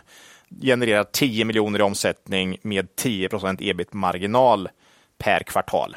Men det är ju väldigt lite än så länge, så det kan man ju. Det är inte så mycket att säga. Men, men UK verkar gå som förväntat. Får jag säga. Ja, som förväntat. Eller vad han säger. Mo-. Morgan Paulsson. Ja. Norge då, om vi ska ta det bara för att alla ska vara med. Norge står för 60 procent av omsättningen, Sverige 25, Danmark 15 eh, och UK obetydligt då. Eh, Sverige står för under 15 procent av ebit. Så eh, om, om det nu är Sverige man är orolig för här och därför säljer Dedicare, då tycker jag, då tror jag faktiskt att man gör fel. Är det Norge man är rädd för, då tror jag inte man gör fel. Nej. Om man har väldigt goda grunder Om man har goda grunder för det. För där har det ju nyckeln just nu. Ja. Danmark 15 nu, ja visst, visst. Eh, Men det är fortfarande så att 60 trumfar 15 ganska hårt då. Mm. Eh, ja, jag har funderat mycket på den här nedgången i Dedicare och vad den beror på. Medierapporteringen i Sverige bör påverka. Ja, det måste jag göra. Det, måste, alltså det sätter ju ändå ett sentiment. Man hör om det här med eh, hyrstopp och allt. Och den är väldigt negativ. Ja, eh, frågan är vad aktien hade stått i om den här varit noterad i Norge. Det är en jäkla intressant fråga. Men, men nu är den ju noterad i Sverige, så det är ju rent hypotetiskt. Då. Eh, ja, Norge blir det man ska fokusera på i dagsläget tycker jag. Och där har vi fortfarande, förut, det jobbiga här då är ju att tillväxten ändå bromsar in i Norge. De har ju växt vansinnigt fort. Nu har vi 16 procent tillväxt i Q2, kanske blir ännu lägre i Q3 och lönsamheten minskar. Så det har ju ändå så att man kan börja känna att ja, men Norge tappar lite den här Om man drar ut linjen där. Vet du. om man drar ut linjen, ja. Eh, det är fortfarande inte dåligt, men man kan ju börja fundera. Och, och den är ju, skrämmer mig mer än att eh, Mälardalen eh, pratar om att de ska jobba med, med in, inhyrning ja, att de inte vill ha någon. Ja, den, den skrämmer mig in, mycket mindre än vad som skulle kunna hända i Norge då. Ehm, så min oro är just Norge, lönsamheten på väg ner, tillväxten, även om de ökar, bromsar in lite. Men det är inget alarmerande tapp, utan något lägre lönsamhet. Danmark är ju roligt, ligger ju på pluskonto, men samtidigt 15 procent gör väl inte så mycket, men snart, det är ju liksom, snart är det mycket viktigare än Sverige. Eftersom man kan tjäna pengar där uppenbarligen. Ja, ja. Så Danmark är väl på det roliga kontot och sen har du ju, det har ju en bra finansiell ställning här, så det skulle, nu är det ett år sedan UK-förvärvet snart. Kanske dags snart igen och det har vi sagt. Vad skönt det är och olika. Vi har pratat NGS som har varit mycket mer fokuserat i Sverige och Och det går inte bra. Nej, det är ju jobbigt i Sverige. Det ser du ju på Dedicare här, minus 15 procent. Så kanske ett förvärv till skulle också kunna lyfta aktien såklart. Summa summarum här då. Vi ser fortsatta vinstminskningar framför oss. Eh, Sverige en viss del, Norge något lägre lönsamhet och ingen, inte samma tillväxt. Eh, men det här är under ett halvår framåt. Sen är det väldigt svårt att säga om, men kommande kvartal skulle man gissar vi på vinstminskning. Samtidigt då, vi tror på lite, en bit under 10 kr. 9,75 kanske vinst per aktie för i år, P 8,4. ABG ligger betydligt över oss, så vi är lite försiktigare där då. På ABGs prognoser för 2024 handlas aktien till en bit under EV-ebit 5. Det är inte mycket det. Är billigt. Så vi har en väldigt låg värdering här. Historiskt har aktien handlats till P12. Det är ju alldeles för lågt om du ser bara till nyckeltalen alltså. Hur mycket har Dedicare vuxit, ökat vinsten med? Men här ligger det ju en politisk risk och den drar ju ofta ner P1 med rätta. Liksom. Tänk nu om Norge skulle gå in och börja, alltså ja. Ehm. Stark balansräkning, hoppas på förvärv såklart. Ja, man är ju en pålitlig utdelare här, och, utdelare här också. Och jag, jag tror man sänker i vår, men inte jättemycket. Säg att de delar ut 5 kronor i vår istället för 6. Då har vi lite drygt 6 procent i direktavkastning. Det är något som stöttar, såklart. Eh, ja, det blir väl lite samma som de flesta bolag här. Vi har svårt att se positiva triggers i närtid. Värderingen är dock så uppseendeväckande låg så att det är väldigt svårt att inte lockas av den. Eh, Dedicare har en fördel till. Den är, ju, den, den är en aktie som inte styr de vanliga konjunkturmönster. Den kan faktiskt ligga parallellt och göra något helt annat. Alltså, mm. Så det har du en fördel. Vi äger fortsatt Dedicare och ligger såklart back efter senaste månadens ras här då. Det är inget stort innehav, men absolut inte obetydligt. Eh, vi anser värderingen vara för låg för att man inte ska kunna ha det här som en del av sin portfölj då. Och såg lite på Twitter folk som undrade om vi aldrig åkte på smällar. Det gör vi ju. Ja, ja. Eh, såklart. Ibland lyckas vi med tur eller skicklighet tajma något och då är det ofta värderingen som har dragit iväg. Mm. Eller hur? Eh, I den här rapportperioden har vi åkt på två rejäla smällar då. Eh, New Wave pratade vi om senast och Claes ska berätta lite senare här. Mm. Och så Dedicare. Eh, I snitt har dock rapportperioden faktiskt inneburit ett litet, litet plus för oss i utfall på rapport, då, eh, såg jag när vi gick igenom det. Men så här är det. Ibland åker man på smällar. Mm. En del är bra, och de som inte säger att de åker på smällar, de ljuger. Mm. Ja, nej, men det, mm. Har man ett antal bolag så kommer alltid något ja. vara lite sämre. Så, men det är, mm. det är men, så det är. Och då vet alla också att vi också åker på smällar, så då behöver det inte spekuleras i att vi alltid säljer rätt, så att säga. Mm. Så, så är det. Vi följer ju våran strategi. Mm. Dedicare är fortsatt ett innehav. Och eh, vi tycker värderingen är för låg, även om vi tror på vinstminskning i närtid. Det är väl lite svårt nu också med portföljsammansättning, lite grann på, på vilka risker man vill ha så att säga. Eh, vi satte ju en maxgräns på bygg, mm. Eh, så det, ja, det, det, fick ju bli vad det blir. Ja. Det, det, vill vi inte ha mer just nu. Sen kan man diskutera konjunkturkänsliga bolag, då har vi fått in en del sådana. Ja, konsumtion. Konsumtion och sådär. Det är ändå, som du sa, det är ändå andra sorters risker här. Ja. Så, så, så, som helhetsperspektiv så är det ändå ja, den, något det, annat. Det, liksom. kan fin, det kan finnas en plats och värderingen är ju väldigt låg. Ja. Nu får vi se.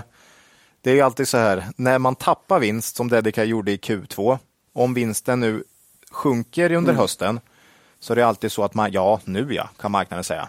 Mm. Värderingen är låg nu, men nu ska ju vinsten ner här. Ja. Så att man får ju se här ja. vad, vad, som spelar det, ut under hösten. Det kan alltid bli billigare. Men, men, men, men eh, ja, det är ju väldigt lågt värderat nu. Och bara kommer man liksom tillbaks till något hyggligt normalt så. Men det kanske kan tappa 20 procent till. Men då blir det ännu billigare. ja. Mm. ja. Ja, ni får gärna gå in och kolla Peter Lynch när han håller den här föreläsningen om eh, om, eh, ja jag vet inte, det finns någon, jag tror det är 88 eller något sånt där, 93, mm. mellan, någonstans där. Eh, och han säger att han började köpa in en aktie och sen fortsatte den ner och han ringde mamma och sa ska du inte köpa och sen gick den från 7 till 4 och sen 3 och sen 2 Eh, och då vill han liksom belåna. Ni med? Mm. Men det ska man inte göra. Och sen sålde han på 30 tror jag. Ja. Eh, men, men, hur långt kan det falla? Ja, det kan falla hur långt som helst. Ja, ja. Alltså, du har ingen aning och det kan gå upp hur långt som helst också. Dessutom kunde Lynch haft fel också. Han kunde haft fel, mm. men i det här fallet blev det rätt. Men liksom, du vet aldrig hur långt en aktie kan falla. Du vet inte hur mycket en aktie kan gå upp heller. Jag tror han går in på hur långt under eh, liksom, kända lätt realiserade innehav där det bolaget värderades. Då hade han ju, och, så säger han också, ett bolag som går med vinst och inte är skuldsatt så. kan aldrig gå med konkurs. Äh, enligt honom så har han aldrig hört talas om något sånt bolag. Bara för att, han ironiserar, alltså mm. ni vet. Eh, och det är ju stor fördel att balansräkningen är så bra. För, för vi uppmanar egentligen inte alla att sitta och snitta ner sig. Det är Nej. inte det man vill med, den historien, Nej. att man ska alltid snitta ner sig till ja. två för mm. det kommer mm. gå till 30. För mm. så kommer det inte vara. Nej. Utan du, det är ju vad fundamentet och, och här ska vi säga, vi är ju lite mer oroliga än vi varit tidigare ja. för Norge. Mm. Eh, men mot det står värderingen ja. som är något helt annat nu mm. än vad det var tidigare.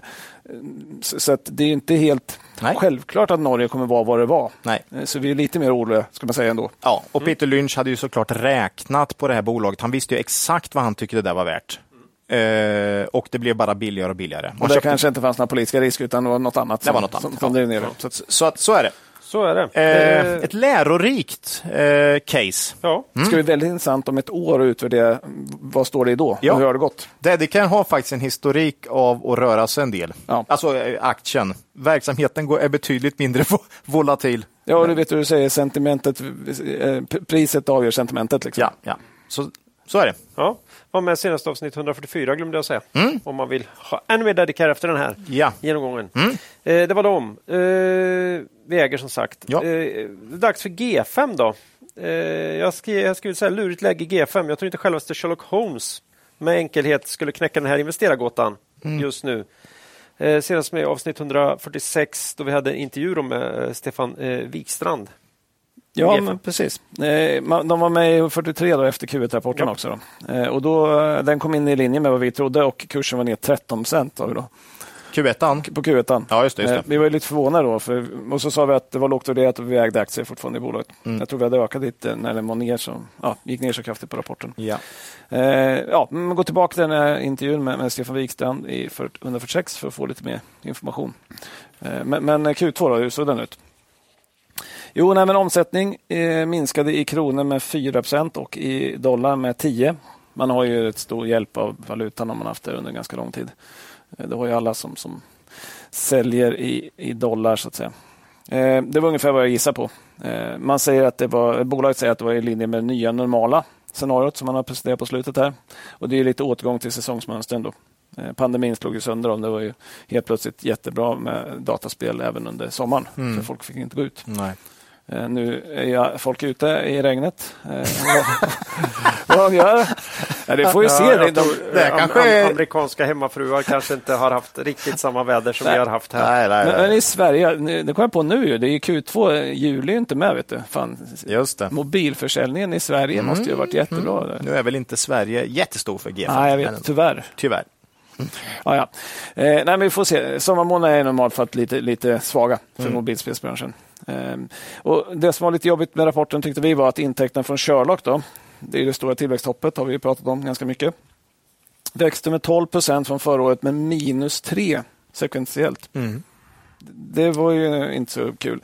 Och VD Vlad då sa även på konfkålet att eh, Sherlock nu är ett mer moget spel. Det, det var inte vad man ville höra. Nej. med Tillväxthoppet så att. Boo, boo. Ja, det är lite synd. Det har ju vi såklart sett på, på siffrorna lite grann Ja, jo, också. jo, det sett. Så att, att tillväxten stannar av. Men, men det, det blir ju väldigt svart på vitt. Sådär, så Mm. eh, och eh, i det här moget spel ligger väl kanske någon, någon, någon bild framåt så att säga. Eh, om man går på resultatet då. Eh, rörelseresultat 38,9 miljoner. Eh, marginal sju- 11,7. Det är ju upp då 3700 procent från förra året. Ja, det är, procent från noll typ. Ja. Ja. det är ungefär en. ja, det är en ganska meningslös jämförelse Ja, för att ja. eh, förra året så hade man den här UA-boosten då. För att få igång just Sherlock. Mm. Eh, ge den chansen att växa kraftigt. Då.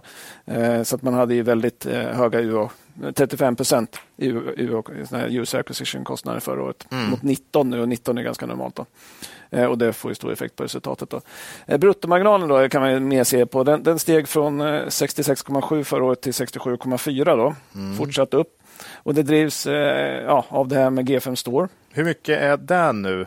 Ja, det är 10 procent av eh, försäljningen. Det är mycket, okej. Ja, och det växte 106 procent från förra året och 17 procent sekventiellt från Q1. Då. Så, så det här har ju verkligen tagit fart Ja. eh, ordentligt. Och det är ju stora fördelen att man slipper ju tredjehandsparters avgifter. Då. Apple, Google, Microsoft och så vidare.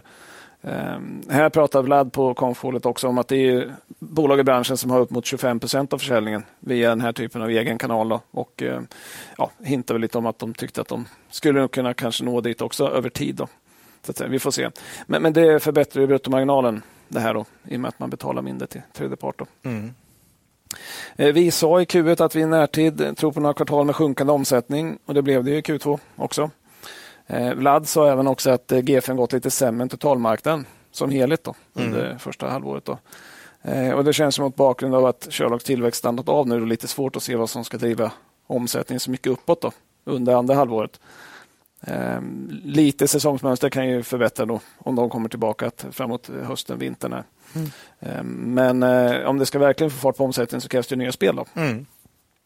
Här sa man på konfkålet att eh, det var inte så stora för, eh, förväntningar på tillväxt om man inte lyckas med spellanseringen. Då. Och rörande dem så sa man att man har 36 spelidéer för utvärdering. Förväntar sig mjuk lansering av 5 till 6 spel och global lansering av 1 till 2 spel i år. Jag har fortfarande i år. Man har Ja. sagt per år, men okej, för Ja, nu börjar eh, året närma sig sitt slut här. Ja, Okej. och, och det var lite intressant då, för, för då fick de lite följdfrågor på det. Mm. Eh, Och då lät det mer som ett än två, ja. skulle jag säga. Okej, ja. Det står ju ett till två. ja, just det. Okej, okej. Ja, då är jag med. Då är med. Mm. Det, ja. lät, det lät mer som ett, tycker jag. Ja, ja, men då, det, kan, det kan ju vara rimligt ändå. Ja, och, och, men det spelet verkar väldigt lovande, tyckte Vlad, Mm. eh, vdn. Eh, det ska lanseras globalt innan året är slut. Det ska vara inom Hidden Objects Match, match 3, alltså deras core-kompetens. Snyggt, snyggt. Eh, tycker att det är rätt att hålla sig kvar där då, eftersom det de kan bäst. Eh, men sen sa han att han ville inte overpromise Nej, det är gött alltså. rörande spelet. Det Då. måste vara Tycker jag jättesvårt att, att, att, lyncha sina egna spel. Det måste vara som en musiker. Du ofta sitter om och Ja. tänker att det här, det här kommer aldrig slå. Nej, det här, det här är ju in, det här är inte bra. Det här. Men jag släpper ändå. Nej, men faktum är att jag som älskar musik och läser mycket musik, det är ju att vissa av de här största låtarna, där har de ändå, där satt den. Där har de ändå känt i studion att liksom, Men det där jäklar vad vi nailade den, så att de kanske kan skilja ut vad de tycker allt är bra, Ja. såklart. De släpper ju inget som de tycker är skit, tror jag inte. Eller väldigt få i alla fall. Några kanske gör det, men, men de tycker det är bra såklart. Men de känner att här, här har vi en hit alltså. Men, men eh, ja, det är Men lite svårt. survival ship bias är det nog också på det. För anledningen till att de där ens får förekomma är ju för att de har haft den där hitten. Så Ja, ja, ja. Men, men ibland så vet de ju kanske inte vad publiken vill ha. Kommer du ihåg Gary Moore på, på Sweden Rock? ja, men så är det ju. Ja. Spela bluesmusik i två timmar och upprorstämning. Liksom. Och det finns ju musiker som skiter fullständigt i någon form av kommersiell, utan de spelar det de vill. Liksom. Ja. Eh, Men, men, eh, men visst, ja. Nej, men det är ändå Och, och vi, brukar, samma med Vlad då. ja, vi brukar ju ändå likna spelbolag lite vid de här läkemedelsforsknings... Att, att, eh, Eller musikhittar eller musik. Eller musik. Det är ganska bra liknelser. Ja, det är Fast- jätteviktigt att man förstår det. Du, måste, du måste ha lite tur i den här branschen. Lite och så, så. försöker man hitta olika recept för att skapa sig tur. Ja. Och här, här jobbar man ju väldigt mycket med en bred portfölj av idéer som man kan förfina, testa, testa på testmarknaden, testa mot testgrupper och sen våga ta det då. Sen har man någon mjuklansering någonstans och sen till slut hoppas man att någonting liksom ska hålla Här har du en, globala. men i G5 har du ändå en läkemedelsportfölj, Ja. cit, citationstecken då, Ja. eh, eh, eh, som ändå ger lite hela, äh, ger bra hela Ja, tiden. det ger bra, och, den gamla och, och, svansen, och den så använder man för att försöka få fram nya hittar då. Men nu vill vi ha Losec. Nu vill jag nog säga- ja, den här. Ja. Nej, men alltså det är ju för att det ska bli det här eh, best case scenario. Då ska ju en sån hit till. Ja, nej, men, och- och här ska man ju säga att vi trodde ju Sherlock var ett sånt spel. Det såg verkligen ut så Ja. länge. ja. Men det ser inte riktigt ut så nu. Nej, Tyvärr. det gör det inte. Eh, sen, vi hoppas ju på det nya spelet också. Det ska bli jätteintressant att se hur det slår. Mm. Eh, Men, men eh, Vlad sa också att det kommer inte få effekt även om det slår förrän 2024. Och Det här blir lite problemet då i nuläget. Mm. Eh, Det saknas lite triggers för uppgång. Det är lite dedicare. Ja, men, men men Sherlock har stannat av. Ja. Eh, Nya spel först 2024. Eh, Vi var ju lite överraskade sa vi när kursen gick ner 13 på förra rapporten. Vi var lite överraskade när kursen gick upp 5% på den här rapporten. Ja, vi sålde ganska nästan hela innehavet på den uppgången. Ja, också. vi gjorde ju det. För vi, vi, vi, först, vi, om man jämför de två rapporterna tycker vi den här var, ja, den förra var nästan bättre. Ja. Eh, Så att vi, vi förstod inte riktigt det. Så att, Nej. Vi, vi sålde av en, ett gäng aktier. Eh, Vi, vi är lite mer negativa till potentialen på kort sikt Ja. än vad vi varit tidigare, som ni hör. Eh, Sherlock eh, har stannat av. Eh, svårt att se trigger i närtid. Eh, samtidigt nedsida begränsad. Bolaget lågt värderat på rullande 12 eh, vid 172 kronor kurs P8. Mm. Justerat för engångsnedskrivningen då i Q3 förra året. Eh, vår prognos framåt, lite under P10. Tittar man på prognoser från, från eh, några av de här andra, SCB, ABG, eh, P9. Mm. Ja, det är inte högt direkt. Bra kassaflöde, bra kassa. Ja, direktavkastning 4,5 procent någonting. Jag, Gör tror återköp. jag, liksom. jag gissar att de ut 10, eh, höjer den nivån också. Ja. Till 10, då är det 5 procent, ja det är ännu mer. Ja, det är ännu det är mer. över 5 procent direktavkastning. Så att, och så återköp på det. Så att, nej, men, Och alltså, de har ju varit ganska opportunistiska med sina återköp. Ja, ja, man kan väl nästan säga att vårt worst case när vi gick in här har spelat ut. va? Ja, skulle man säga. För vi sa, har ändå sagt att för det här ska kunna bli riktigt bra så måste ju to topline i nyckeln. Ja, Alltså jag, jag tror väldigt svårt att aktien ska börja rusa utan att topline rör på sig. nej, Eh, Så det är ju det som är behovet. Men vi har ju kvar li- lite aktier här. Ja, men det- men det har gått från ett av våra största till ett lite mindre. Ja, ett och mindre. Nej, men det är, det är tidshorisont. Ja. Jag menar, eh, det, det finns det här optionsvärdet som man pratade om i intervjun med, Stefan också. Slår någonting kan det bli fruktansvärt bra. Ja. Men fördelen vi tycker ändå att nedsidan är så pass begränsad för de gamla spelen levererar så pass bra så att värderingen är låg, balansräkningen bra. Vi Ja. tycker nedsidan är ganska låg. Väldigt låg nedsida. Men, men det är också nu så för oss då att mm, det finns lite mer andra bolag där ute som också har låga värderingar. Verkligen. Så- som kanske har lite roligare andra halvår. Mm. Eh, I alla fall potentiellt. Eh, Och Det var en av anledningarna till också att vi, att vi, vi skalade av rätt mycket på den uppgången på rapporten. Där. Fördelen med G5 är väl lite som Dedicare. Det är inte den här konjunktur... Det, det är inte konjunkturkänsligt på det sättet. Eh, Så det ligger liksom lite vid sidan om allt och mycket annat man äger. Japp. Eller vi äger.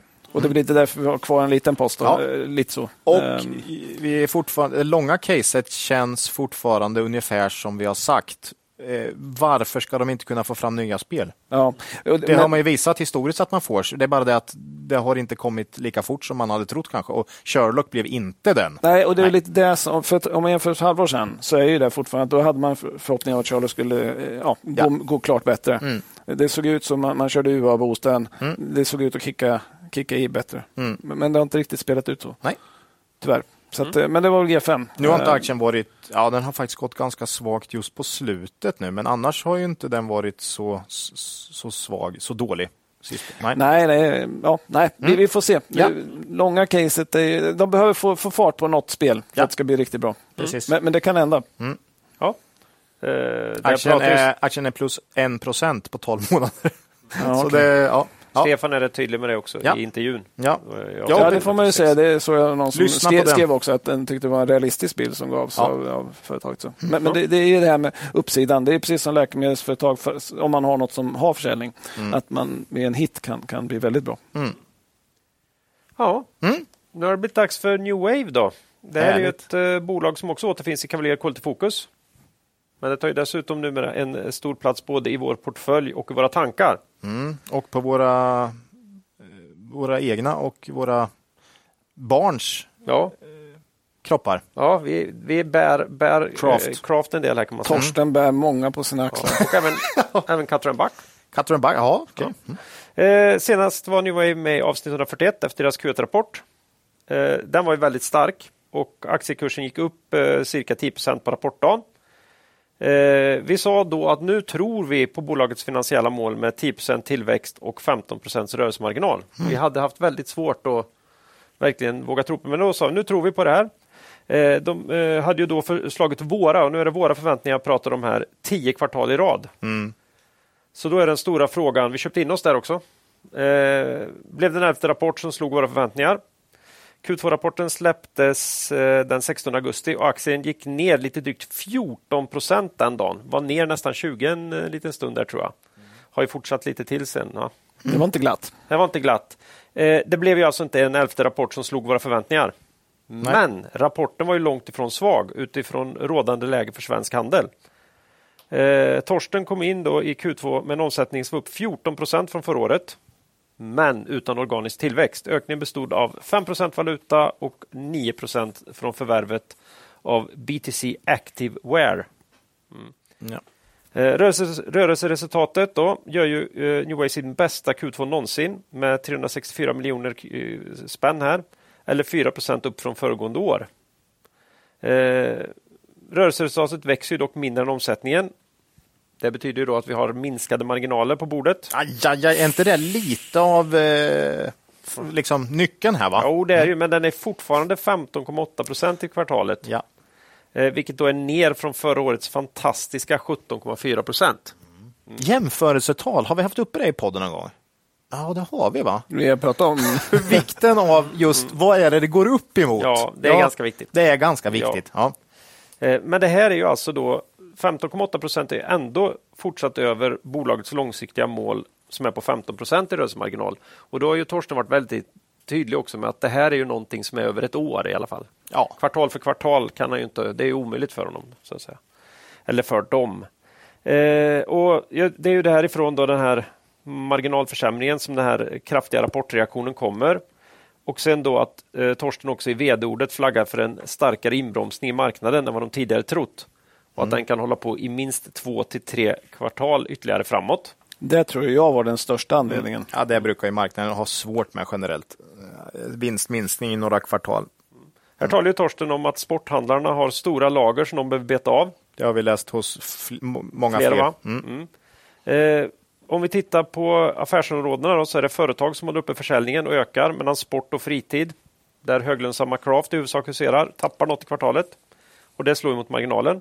Även gåvor och heminredning går tungt och det är inte förvånande i en svag konjunktur. Nej. De har ju även haft ganska dyra insatspriser här också då, under de här första kvartalen eller första halvåret. finns en ljusning i rapporten här också. Då, det är det faktum att New Wave nu sedan en tid förvärvar igen. Man har alltså inte förvärvat på tio år när man förra hösten slog till och köpte det här eh, BTC Activewear. Ja. Och nu fortsatte man här då med friluftsmärket Tenson. Köpte det för en krona under sommaren. då. Det är inte dyrt. Då, då, då, då- kan man nog ändå utgå från att det inte går jättebra det här eh, företaget. Mm. Nej, anledningen till att om någon annan hade gjort det här så hade man tyckt bara, "Ha, hur mycket kostnader ska de ta innan de ger upp då? Mm. Eh, Det roliga är ju att eh, det, var ju ungefär, det här är exakt likadant som Craft började en gång i tiden. Där man också kunde köpa det för, jag vet inte om det var en krona, men för Ja, nästan ingenting. Jag för man sa det. Ja. Eh, och många, det är lätt att börja drömma här om att, att eh, New Wave ska göra om den här resan med Tenson. Då. Eh, och vi har ju ingen aning om det. Och eh, tar ju till oss istället att Torsten säger att det kommer dröja innan Tenson lämnar ett materiellt bidrag till omsättning och vinst. Även om du lyckas få märket på fötter igen. Men att han också ser en, en stor potential i det här märket. Och att han tror att de ska kunna komma upp i en omsättning eh, över, ja, gå från 100 miljoner idag till en halv eh, miljard här. Ja, det var ju på några års sikt. Men, några års men sikt. han eh, sa ju det. De, de, hela idén är väl att ta det. Alltså, de har ju mycket mer distributionskanaler såklart. Eh, Så de har ju en helt annan power om de eh, får ut märket så att säga. Men, men som sagt det här är ingenting som händer varken nästa år utan året därpå, utan det, är, det kommer vara en Grind, grinding. Mm. Ja, den kommer ju inte avgöra hur, hur aktien går så att säga. Utan Nej. det blir mer Inte, inte i år i alla fall. Nej. Nej. Eh, men spännande om man kan upprepa resan som, som man gjort med Craft. Då. Eh, och eh, kul att priserna på Ferm nu kommit ner. Och Torsten tror att det kan komma ytterligare förvärv framöver. Och då kan man tänka sig här då, med tanke på att eh, Köper han för 50 öre då? Ja, får köpa en 50 öre. Nej, men lagervärdet. Param, pam, ja, ja, det är bra. Riktigt billigt. Ja, idag, är vi, idag är vi på hugget. Ja. ja, lagervärdet här har ökat nästan 6 miljarder. Så vi kan hoppas att en del av betalningen kommande förvärv kan ske i vita t-shirts och pikéer kanske. ja, de är ju tidiga. Alltså. Ja, nej, de Nej. ändras bara lite i kragen. Nej, som han sa.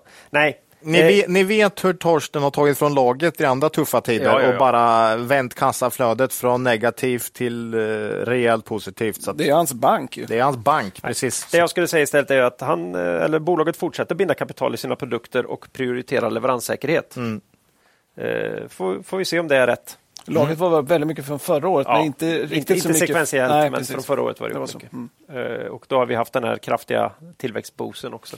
Eh, för alla som var med 2008-2009 så vet man ju att New Wave var extremt, eh, ska jag säga, utsatt. Mm. Eh, och många inte trodde de skulle klara det. Över, överleva ens. Nej, nästan. Det var i alla fall så man såg på det från sidan, New Wave. Eh, men då gjorde ju Torsten den. Om jag kommer ihåg rätt så var det en miljard i kassaflöde 2009 eller en- i den storleksordningen. Då tog han lite och beta från det här lagret och fick in pengar och ja. Så där skulle man ha köpt någon gång. Det, det hade varit fint det. Ja. Just backtrading är fantastiskt. det, Ja, ja, ja. du hittar massor fina. ja, ja. Ja, ja. Nej, man, om man undrar över filosofin gäller lagret då, så kan man lyssna på vår intervju med Torsten avsnitt 132. Då han, Ja, Han pratade där om att liksom, laget är lite prognos framåt ändå. Liksom. ja. Och Då ser det ju inte dåligt ut. Nej. nej, Det kan också vara så att alla kunder vägrar beställa. Så kan det också vara. Vi får se. ja, så Ja. är det. Vad tror vi om nu är framåt då? Eh, ja, vi har ju aldrig trott långsiktigt på senaste, de senaste årens supermarginal. Men eh, tror ju inte heller att de ska tillbaka till nivåerna innan pandemin som jag kan tycka att marknaden indikerar lite grann här att de lite tror. så ja. Mm. Eh, vi tror ju att bolaget fortsatt kan hålla 15 procent, 15 procents marginal över året och då hamnar vi på en vinst per aktie på 8,50 ungefär för innevarande år och några ören till för 2024. För vi är väldigt försiktiga här med våra förväntningar. Mm. Vi sätter ett rimligt P på 15 i New Wave mm. och då har vi en rejäl säkerhetsmarginal i bolaget som är på över 50 procent mot dagens kurs. Mm. Eh, och eh, Det här är fortsatt ett stort innehav hos oss. Mm. Även, mm.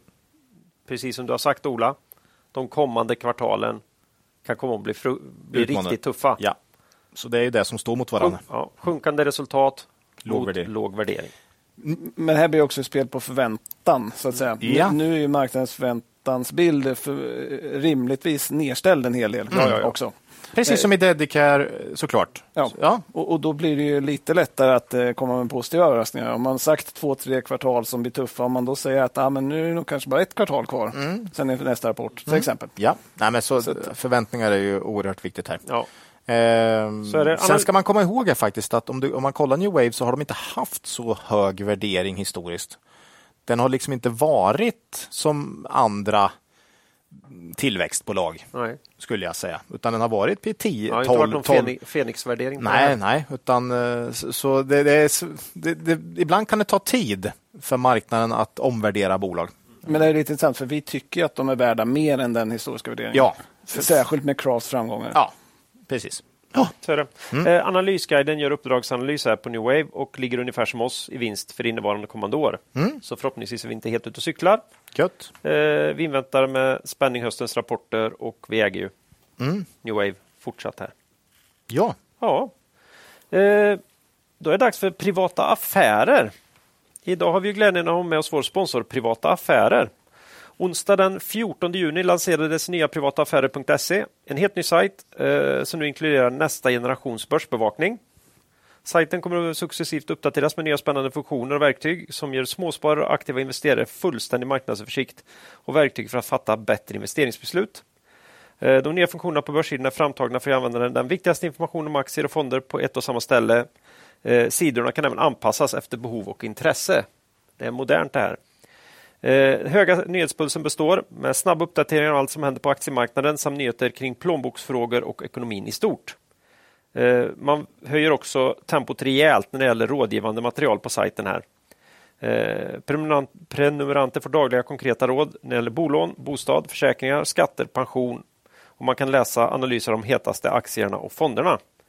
Och här är också intressant och till sin hjälp har redaktionen ett stort nätverk av ämnesexperter, både internt och externt. Här har du Ja, men jag, jag, jag, jag var inne lite och kollade. Eh, sådär. Vi har gjort det nu på slutet. Mm. Här. Eh, jag såg att Ing Ingemar Karlsson, inte Ingvar. Ingvar Karlsson, Nej, han in, foten? inte foten. Nej. Nej Ingemar Karlsson. Mm. Eh, han skriver krönikor på privata affärer det tycker jag är lite uppskattat. Det är ju nestorn inom eh, teknisk analys. Då. Snyggt. Det är lite Sverige kyrkan här när Claes sitter i samma rum. Nestorn, ja, man gillar ju det. Ja. Ja. ja. men alltså någonstans, jag, jag respekterar ju äldre väldigt mycket så det här är helt okej. Okay det är okej, okay. ja, ja. ja, skönt. Nej, men Han har ju varit med jättelänge. Jag, jag, jag följde honom för länge sedan och så jag tycker det är, det är lite intressant. Alltså, min bild av Theo är lite annorlunda än, än, än, än grabbarna här. Eh, jag, jag, ser på Theo på det här sättet. Det, det, är många som använder teknisk analys för kortsiktig handel. Mm. Och ju fler som använder och tittar på samma graf, ser samma tekniska signal och agerar på den, desto bättre funkar det. Ja, då blir det ju så. Det blir själv... Om alla gör det, eller, det blir själv... eller tillräckligt många. Det blir självuppfyllande. Ja. Eh, så ju fler som använder det, desto bättre funkar det. Eh, och jag förespråkar inte att alla ska delta i det här spelet. Då. Eh, men om man inte är expert, liksom, då kan man väl hålla på om man vill det. Men vi förespråkar ju mer fundamental analys. Men det är bra att ha i bakhuvudet när man handlar sina kvalitetsbolag. Mm. Att, att det finns folk som faktiskt har ett annat sätt att handla på. Eh, och Då kan man ha det i bakhuvudet och tajma faktiskt lite sina köpförändringar lite grann utefter det. Mm. Eh, så därför tycker jag det är intressant att följa vart viktigaste tekniska nivåer och sånt är för att kunna optimera sin egen handel lite grann. Eh, och eh, ja, när man har den fundamentala bilden klar för sig. Ja, det, det, jag, jag, håller med att det här att, liksom att, att, att fundera på var, hur tänker andra på marknaden? Ja. För det här är ju en del av marknaden. Ja, och, och, de, de som handlar tekniska, det är ju liksom, de är ju där och handlar precis som blankarna handlar. Det är ju intressant att veta vad de mm, tänker och gör också. ja, och de styr ju den kortsiktiga bilden Ja. mycket mer än vad egentligen de som handlar på fundamental basis Ja. gör. För de kanske inte gör så många affärer. Nej, och vi, och vi tänker ju något mer långsiktigt än, än, än, än blankare kanske. Och, och, Ja, än just de som håller på med mest TA. Det är Ja, är ganska TA? kortsiktigt ofta. Ja, så, så att, men det är en del av marknaden. Ja, och- så, så att det är ändå intressant och, och, och Och då tycker jag det är viktigt med helhetsperspektivet. Mm. Ja. Eh, Och på sajten fanns det då, då kan man dels ha de här krönikorna, men så fanns det också omfattande verktyg för textanalys för den som vill antingen ge sig på det korta spelet, men även lära sig lite grann om hur det ser ut. Så det, det finns ju någon också som kallas för grafgurun. Ja. Va- Det är Johnny Torssell på, på eh, Carnegie. Va? Ah, okej. Ja, just det. Ja, det någon annan, ja. Ja. För det är ju ett, det är ju ett härligt... eh, Det är härligt epitet. Vad va, va, va, liksom står på C, grafguru. Det, den, ja. Men Det- det vore det häftigt skulle om man man, nästan vilja ha. om man var guru på något. Det vore coolt. Bara vara guru. Jag tänkte på en guran i Tarzan. Det är något annat. Ja, okej. Ja, så är det. Ja, nej, Ja. så det tycker jag är lite spännande. Ändå. Och många, många fler eh, experter finns det ju man kan hitta där. Mm. Eh, finns ju utöver det här börskurser i realtid, möjlighet att söka på tusentals nordiska aktier. Eh, det finns det populära portföljverktyget både gammal och ny skepnad. Börslarm. Mycket, mycket mer. Eh, Privata affärer har nu snickrat ihop ett riktigt skarpt erbjudande till våra lyssnare. Ni kan teckna er för privata affärer premium i tre månader för bara 99 spänn. Bra. Det är ju ett courtage. Det är en lite större affär. Eh, därefter en månads bindningstid till ordinarie pris 109 kronor per månad. Och här ingår ju alltså, förutom själva sajten, två tidningar digitalt till priset av en. Både Placeringsguiden och Privata affärer. Erbjudandet hittar ni eh, i fullständighet på privataaffärer.se kvalitetsaktiepodden. Och länken finns även i avsnittsbeskrivningen. Missa inte chansen att testa nya privata affärer till ett riktigt bra pris. Tack säger vi till Privata affärer. Då har det blivit dags för sista bolaget ut idag då. Q, Clean Air. Ja, Ny ledning, två rapporter som sett lovande ut. Kan en vändning vara på gång här? Ingen rök utan eld sägs det ju. det är lite kul när de håller på med rökrum. Claes, gör de? Claes letar efter Clean Air på C då. men- han gjorde ju det. Måste ni outa mig? Jag satt och var förbannad. Vad vad har du gjort av Clean Air? Ja, ja, det var inte lätt. Ja, det var dåligt. Ja. Det är svårt det där. Ja. Nej, men de, de har faktiskt inte varit med på ja, 14 månader sedan. Vi hade Oj. dem I avsnitt 120. Okej. Det var efter Q1 2022 som var en väldigt svag rapport. Eh, och man fallit ner till 31 kronor efter att ha handlats runt 60 längre. Så kraftigt fall. Eh, då sa vi att eh, det såg inte så dyrt ut, men vi trodde på fallande vinst Q2 Q3 22 och att aktier ofta har svårt att stiga. Har det, vad har hänt sedan dess då? Det har vi sagt många gånger idag. Ja, och här fick vi rätt kan vi säga. Ja, ja, ja. Nej, men för det har hänt en hel del. Men inledningsvis då så fortsatte ju trista utvecklingen. Det blev som vi trodde rejäla vinstfall i både Q2 och Q3 22. Eh, 27 november 2022 då så bytte man vd från Kristina Lindstedt till Sebastian Lindström. Eh, han gjorde som vi talade om under Aktuellt i avsnitt 135 som många nya vd gör. Rensa. Städa, Städa. städa. Ja, det är Nej, det var en eh, riktig usel man, Q4-rapport. man vill liksom ha ett, ett blankt papper. Alltså det är klart man vill ha så bra förutsättningar som möjligt då. Och dessutom kan, liksom, då kan man liksom få bort det precis Ja. innan man börjar. Så då har man liksom ett clean sheet att dra igång med. Det, det känns ju verkligen som att det är otroligt vanligt när en ny vd kommer in. Oerhört vanligt. Eh, Så det- får man väl ha lite koll på i en video. Där när man står Ja, på ny alla som byter vd kan vara så. Ja. Att man städar undan lite skit. Men samtidigt, marknaden brukar ju ofta också känna att ja, men skönt, nu är det borta. Nu, nu kan vi blicka Faktiskt. Ja, så det är inte säkert att marknaden reagerar så negativt på en sån grej. Nej, man, men- men- man men- om det underliggande så att säga är vettigt. Liksom. Ja, och det kanske beror på vilken trend man har in i. Ja. Men här var marknaden inte alls glad. Nej, okej. Det var nej. 20 procent ner. Ja, okej. Ja, det var... Eh, om man bottnar på 19 kronor. Men det var också, då var man på väg in i en väldigt dålig trend. Mm. Alltså det såg dåligt ut, det var därför man bytte vd. Har inte ni en känsla av att för fem år sedan var 5 till 10 procent ner på rapporter mycket? Nu är det 20 för att det ska kla- klassas som en, en, en, ett rapportras. Nej, jag håller med. Vad- vad har hänt? Allt går snabbare. Nej, men liksom 15 till 20 procent ner är en dålig... Liksom, det är ju en femtedel av börsvärdet borta på ett kvartal. Nu tänkte jag säga att det var bättre förr, men, men jag tycker tvärtom. För Mm. ju större rörelser och mer i Ja, är det marknad ja. blir, desto bättre Det är är det klart ju. det är bättre, men, men är det rimligt? Det är Nej, lite det, det- jag tänker. För förr, liksom 8 procent ner på rapport. Åh herregud, det är liksom en årsrörelse här. Det, tycker man det, men nu är det liksom 7, 8, nej det är väl, ja. Det är väl. Nej, jag håller, jag håller, Inwidos 7 procent ner på vd, alltså liksom. jag håller hundraprocentigt med, men, men sen eh, personligen så tycker jag det är du bra. älskar det. Ja, ja, jag förstår, jag är med. Mm. Eftersom det ger mycket mer möjligheter. Ja. Men är det inte att aktier har blivit en folksport då? Liksom, Ja. folk spelar du på aktier? Spe, ja, Ja, jag, det, var ju som sa, det var någon ganska nyligen som sa, spelar du på aktier? ja, den älskar man ju. Spelar du på aktier? Ja. Det är, och med det, den grundinställningen så är det väl inte konstigt att det kan hoppa ner till 20 procent. Nej, och dess lättrörligare kapital, kanske fler som, alltså online, och, jag vet inte. Mycket mer som eh, dumma pengar som antingen bara, Ja, bara följer Buffett med. säger ju att det, bara, att liksom det bara det blir en, bara mer och mer pengar som eh, inte tänker. Trendfölj, alltså. Jo, men det är ju alltså, Ja. och massa algoritmer som Algoritm, handlar ja. i, i eftertrenden. Så eh, ja, ja, det, det kanske inte skadar att, fundera lite på verksamheten och, och värdering ibland. Men, men jag tycker inte, Nej. det skadar inte om det finns ännu fler ut som inte gör det. Nej, Det, det öppnar ju bara mer ja, möjligheter ja, det, för, det, för det. oss är det bra såklart. Mm. Ja. Nej, men eh, aktien bottnar på 19 kronor då och Åh, då hade vi uppe dem i, eh, i, i, i det aktuellt avsnittet. Då sa vi att aktien ser svinbillig ut.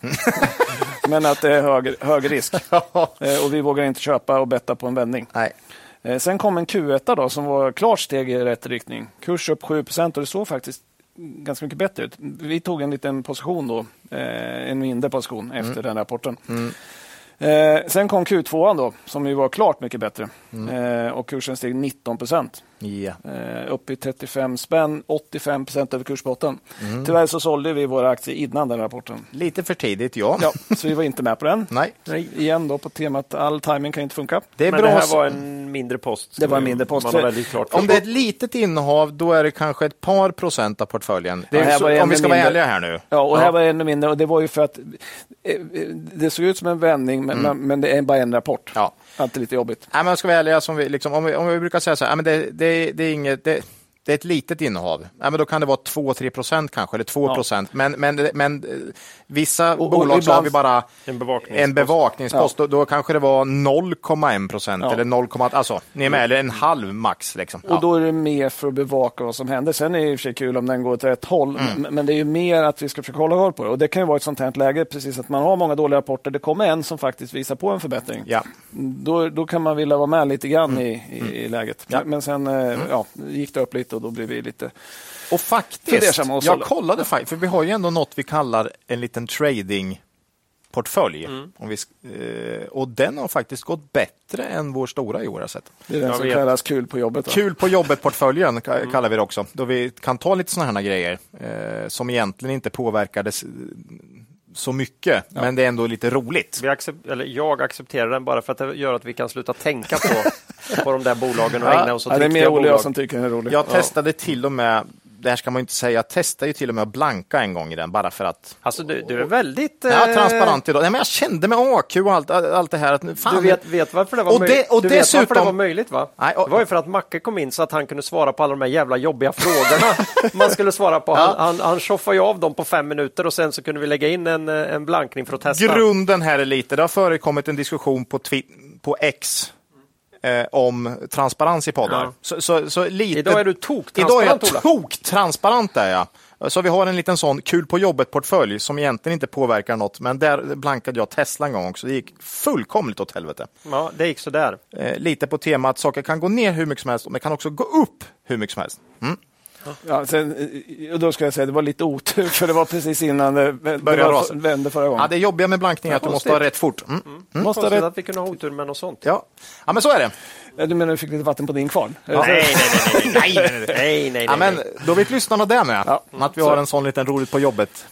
Ja, Ja, den tycker vi är lite kul. Ja. Eh, men tittar vi på omsättningen då i Q2 för Clean Air, om vi går tillbaka dit. Eh, omsättning 25 procent upp, valutajusterat plus 19.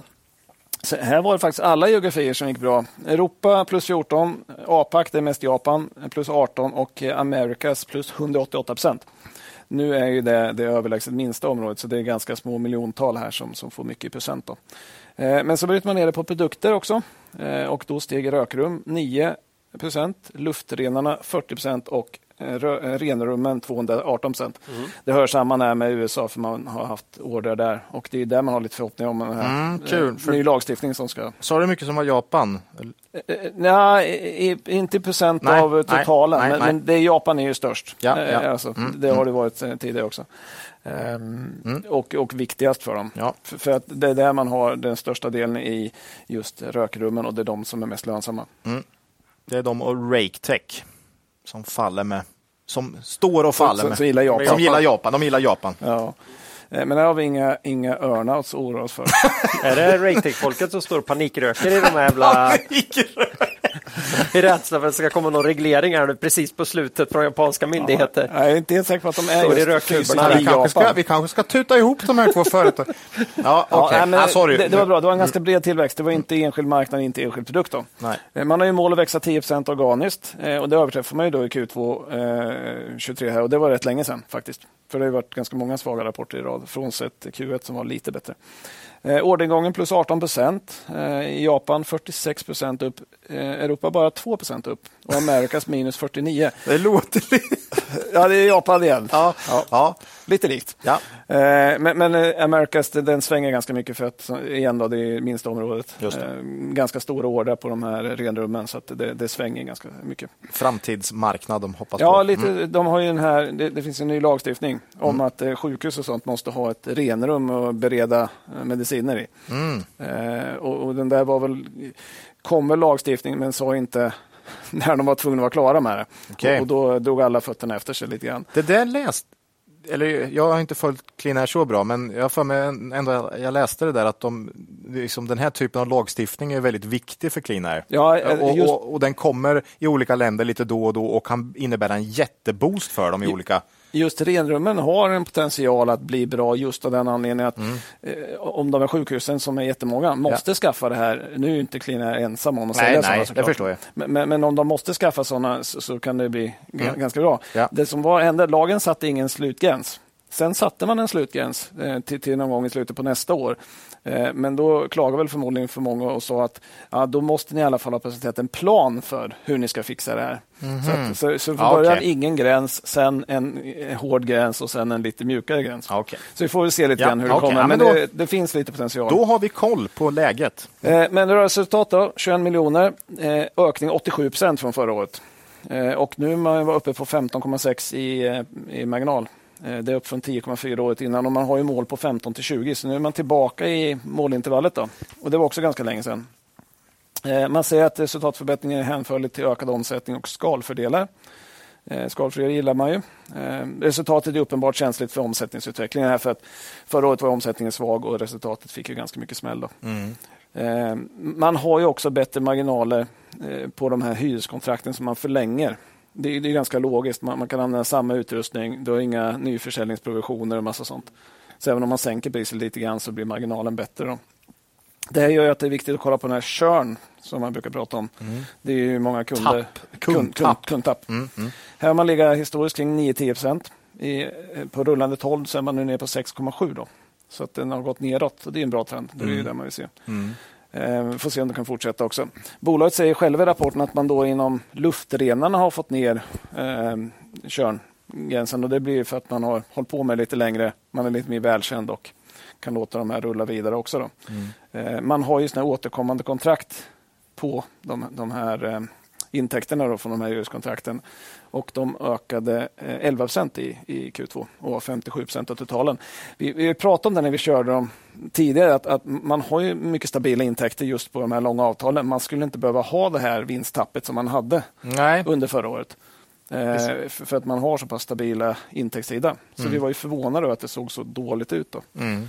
Eh, men här, ja, vi får se. Det kan ju vara att nya vdn har styrt upp det Eh, Eh, det har hänt intressanta saker på ägarsidan också i det här bolaget.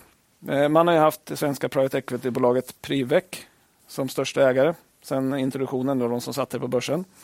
Eh, de har sålt aktier i omgångar och det har funnits överhäng av aktier. Då, för PE-firmor brukar inte vilja äga aktier långsiktigt i noterade bolag. 20 februari köpte nya vdn aktier för 2,1 miljoner av Privec då, för 21 kronor. Har ju fått en bra start på det. Snyggt. Det är ganska materiellt köp ändå i ett så pass litet bolag. Det är ju gött att börja så alltså. Ja, har fått bra start på den. Ja. I juni sålde Privec ner sig från 23 till 11 procent. Det vill säga halvering lite mer då, eh, av aktierna. Eh, och slutligen 21 augusti, det är rätt nyligen, då, så sålde man sina sista aktier. Så nu har man inga aktier kvar, så det överhänget är borta. Det brukar kallas en clean-up trade. Då. Ja. Eh, och in istället som huvudägare har Staffan Persson, finansmannen, kommit då.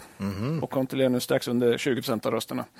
Eh, och Det är väldigt positivt tycker jag att byta ut en PE-firma som man vet inte kommer vilja ha kvar till ägare av kött och blod. Det här, är ju, det här är ju grejer som är på riktigt intressant. Många tänker ni är fundamentala, men, men det här är ju sånt som verkligen spelar roll för en aktie. Ja, Eh, på två sätt. Dels att du inte får överhänget längre, Nej. men också att du får in någon som långsiktigt kan... kan driva, Driva det. Ja, så det här är ju en viktig sak som folk kanske tänker att ja, men vilka som är, men det här är ju, Ja. det här är ju viktigt. Nej, men den tycker jag är intressant. Eh, Och det var väldigt nyligen, 21 augusti alltså, som, som de gjorde den sista clean-up. traden. Ja. Eh, Men hur ser vi på det här då, 14 månader efter förra genomgången? Då? Ja. Jo, nej, men de levererar ju svagt efter vi tog upp dem. Eh, Det sa vi. Vd-bytet var nödvändigt. Mm. Nya vd ser ut att vänta runt där igen faktiskt. Han sa själv på Confo att de var back on track. Alltså, man funderar, när, när, när en vändning kommer så exakt med vd-bytet Ja. blir man ju alltid fundersam. Samtidigt, du kan ju inte påverka en verksamhet från dag ett. Det är ju omöjligt. Så, så, så det, är väldigt, men det, är väldigt intressant att spekulera i hur mycket beror på vd-bytet. Här. Men, men som sagt, du, normalt brukar det ta ett halvår till ett år innan du börjar se något tycker jag. Det, det är lättare på kostnadssidan än på intäktssidan ofta. Ja, för det, Eh, f- Och har du mycket återkommande intäkter kan du dra ner lite på kostnaderna. Eh, Men nu senaste rapporten fick man faktiskt fart på omsättningen också. Ja, det är ju... Eller så kan det kan vara en del och sen en del har varit från tidigare tillväxt. Ja, Ja, det är så. eller Det vad kan ju vara så att tidigare vd har ju faktiskt gjort ett ganska bra jobb. Ja. kanske inte var den personens fel eller Nej, att det- det, gick som det gick och Precis. man fick inte chansen att och se, och se det igenom så att säga. Nej. Men man det kan är säga- ju mer sannolikt eftersom den personen faktiskt varit inne och påverkat Ja. vad som händer i bolaget nu. Men man kan säga att vdn har fått en bra start, Ja, vilket alltid är skönt ju, eh, på något sätt. S- Sen är det svårt att veta om det här är det nya normala och att man liksom kommer tillbaka till sina mål om 10% tillväxt och 15-20 marginal. Då. Gör man det så ser det ju riktigt bra ut eh, för dem. Redeye följer bolaget. De tror på vinst per aktie 3,50 i år, 4,50 nästa år. Då. Kurs 35, P 10 för året, 7,8 för nästa år. Då. Eh, Det är ju inte högt. Ehm, Samtidigt finns det ju ganska många andra bolag som också ligger runt P 10 i dagsläget. Eller ännu lägre. Vi har ju tagit några idag eh, tidigare också. Vi är ju lite mot, mot bakgrund av den svajiga lönsamheten som varit senaste året så vet ju inte vi riktigt om det här är ett kvalitetsbolag riktigt så. Vi tycker inte man skulle ha tappat som man gjorde förra året. Ja, den var jobbig. Det är ju Eh, konstigt. Sånt stökar till det. Liksom. Mm. Ja, det fanns ju ris- alltså, det fanns ju stora risker i efter pandemin för det här bolaget. Man är ju ganska stor ut på flygplatser och så här. Det liksom, Men samtidigt har ju flyget återhämtat sig fruktansvärt bra nu. Men det, det var ju en fördröjning. Sånt kan ha påverkat. Ja, sen var det nedstängningar ganska sent i Japan också. Eh, som man sa, eh, om ni kommer ihåg det, Japan var ganska sent ute. Eh, med, med nedstäng- så det, det hade påverkan och luftredarna fick ju sig givetvis en boost av pandemin. Så Ja. att, säga. att man skaffade mer luftredare och de fick det en nedgång efter det. Så att, Ja. vi, får se. När vdn kom in här så, så, så drog han ner en del på, på effektiviserade och la ner en del olönsamma satsningar och så vidare. Om kolla på Q2-rapporten så har antal anställda minskat från 116 till 107 personer. Och omsättningen går ändå upp 25 procent. det... det ger ju effekt upp på nedersta raden. Eh, Ja, som sagt, vi, vi, vi hade en bevakningspost efter Q1, vi sålde den innan Q2. Ehm, Vi har inga aktier just nu. Jag har aktier i pensionssparet, jag har köpt lite fler efter Q1 och är väl ungefär plus minus noll på dem totalt. Tror jag. Eh, Ja, lite intressant läge, men, men vi vågar inte riktigt... eh, Det, det är ganska hård konkurrens, vi har ju rätt mycket annat nu som vi Ja, och P10, 8, det finns ju en hel del där ute ändå. Ja, som vi väl har fört Ja. längre och är li, känner oss lite Ja. mer komfortabla med. Så. Men, men, Även men, om det här kanske inte, det här är inte konjunktur heller riktigt. Så det här är ju ett sånt bolag som går lite vid sidan om konjunktur. ja, lite så, inte lika, på riktigt samma Nej, sätt. Då. det är andra utmaningar ibland. Uppenbarligen pandemikänsligt, men eh, ja, lite intressant läge. Mm. Ja. Men, men vi är inte aktieägare i firman. Nej, just då. nej. Och beroende av lagstiftning. Så det finns en Jo, det är politisk risk här. Absolut. Ja, så. Och den kan ju gå åt båda håll. Mm, ja. Eh, Man, man gynnades ju, ju tidigare av eh, förbud mot rökning och sånt. eh, Så att man, men det kan ju komma gå åt båda håll. Så att säga. Ja. Det var Air. Ja, då var det klart med bolag för den här gången. Eh, och vi närmar oss slutet för avsnittet här. Eh, nästa avsnitt, nummer 150. Ja, det måste ju på något sätt ändå uppmärksammas. Det har vi aldrig lyckats med hittills och jag är mycket tveksam till att vi kommer göra det heller. Utan vi kommer glatt konstatera, ja det var 150. Men vi kan väl uppmärksamma att det är 150? Ja, vi kommer ju säga det. Jag Ja, brukar alltid säga vilket avsnitt Ja, det är. Det brukar jag göra. Ja, vi kanske kan få in någon liten Du kan, vara lite, ex- fanfar. du kan vara lite extra glad när du Ja, Jag, tänker, jag tänker på den där gråtande japanen. Ja. Det är kanske dags för honom igen. Ja, Han ska väl inte gråta på 150? nej. Nej, det är sant. Nej. Jag tänkte för alla som inte gillar podden. Ja. Tråkigt för dem. Eh, det här kommer ut torsdagen 14 september. Eh, lite halvljumma rester från rapportperioden. Men förhoppningsvis också en rykande het färsk nykomling i Ja. friluftssegmentet. Oj, En herregud. teaser! En teaser. teaser! Ja. Man kan mejla oss på kontaktet kvalitetsaktiepodden.se eller kommentera på Twitter eller på vår hemsida kvalitetsaktiepodden.se. Ja, slutligen, någon riktig makro eller TA värt att ta upp idag? Nej. Du kanske har något eller? Ja. Ja, det var ju så här för några veckor sedan skulle jag eh, ta fram och prova på finkostymen inför mina föräldrars guldbröllop som de firade här i mitten på augusti. Satt som en smäck eller? Ja, tyvärr hade den ju krympt i garderoben och på ett så våldsamt sätt då så att den enda värdiga lösningen var att införskaffa en ny. Och, eh, det finns Jobbigt också, när sånt händer. det är jobbigt. Det finns tyvärr också andra indikatorer på att mitt BMI just nu inte står helt rätt. Och eh, min enda rimliga räddning nu är att antingen en, väx- en sen växtspurt här, 10 till 15 centimeter i längd. Ni har, Eller- sett, ni har sett den här Nej, Tiffany, Tiffany? Tiffany Persson när hon kommer in på Viktväktarna Ja. och, och säger att enligt den här tabellen ska jag vara 2,26 lång. Ja, där är jag. Det är jobbigt. Eh, nej, det, får ju bli, det finns en del till i den här ekvationen tyvärr. Mm, det är den jag får ge mig på. Ja. Eh, och eh, ja, diskuterats en hel del kost och motion här på kontoret på sista tiden här, eller sen vi kom tillbaka från semester. Är det då man gör det? ja, ja. Eh, och jag kom häromdagen att tänka på en eh, tidigare gång i mitt liv när det var dags eh, för en uppryckning inom viktområdet. Och eh, det jag berättade om det här för er och ni tyckte att det var läge att dela med mig av den här historien med lyssnarna också här. Eh, vid den här tiden jobbade jag på Tekniska verken i Linköping och eh, jag hade två väldigt eh, trevliga kollegor där, tillika två stycken elitmotionärer då, som lurade med mig till fritidsklubbens ökända tuffa hardcore spinningpass. med den otroligt drivna, vältränade men också enligt kollegorna då, eh, snälle Sören. Och jag, tyckte, jag hade nog tyckt att Sören var snäll innan jag hade stött på honom i jobbet. Det låter snällt. Ja, han skulle få mig tillbaka i form på nolltid, utlovades här. Eh, jag borde ju anat oråd då och backat ut ur lokalen när jag såg vilka övriga det var som hade samlats inför det här passet. Då. Bland, bland annat några aktiva och före detta elitidrottare. Eh, eh, faktiskt någon som eh, ganska nyss hade spelat i elitserien satt där. Och eh, de tyckte att det här passet fungerar i deras träningsupplägg. ja, det här är bra Trots, alltså. trots att det skedde under friskvårdstimmen på jobbet där, ska det vara klart för oss då. Va? Eh, ja, Sören satte en väldig fart, visade snabbt ett stort intresse för mig, min usla teknik och det val jag gjorde hela tiden av låga motstånd i flera av de här övningarna då, som han drev oss i. Det är olika, olika tyck- tempon. han tyckte du fega lite. Ja, han tyckte jag höll igen kan man säga. Eh, Sören lite udda som spinningledare här. I vanliga fall, jag har ju varit på spinning efter det här också, Eh, och då sitter de ofta längst fram själva på en cykel. Sören hade så många pass så han kunde inte cykla jämt, utan under det här passet så gick han runt i rummet.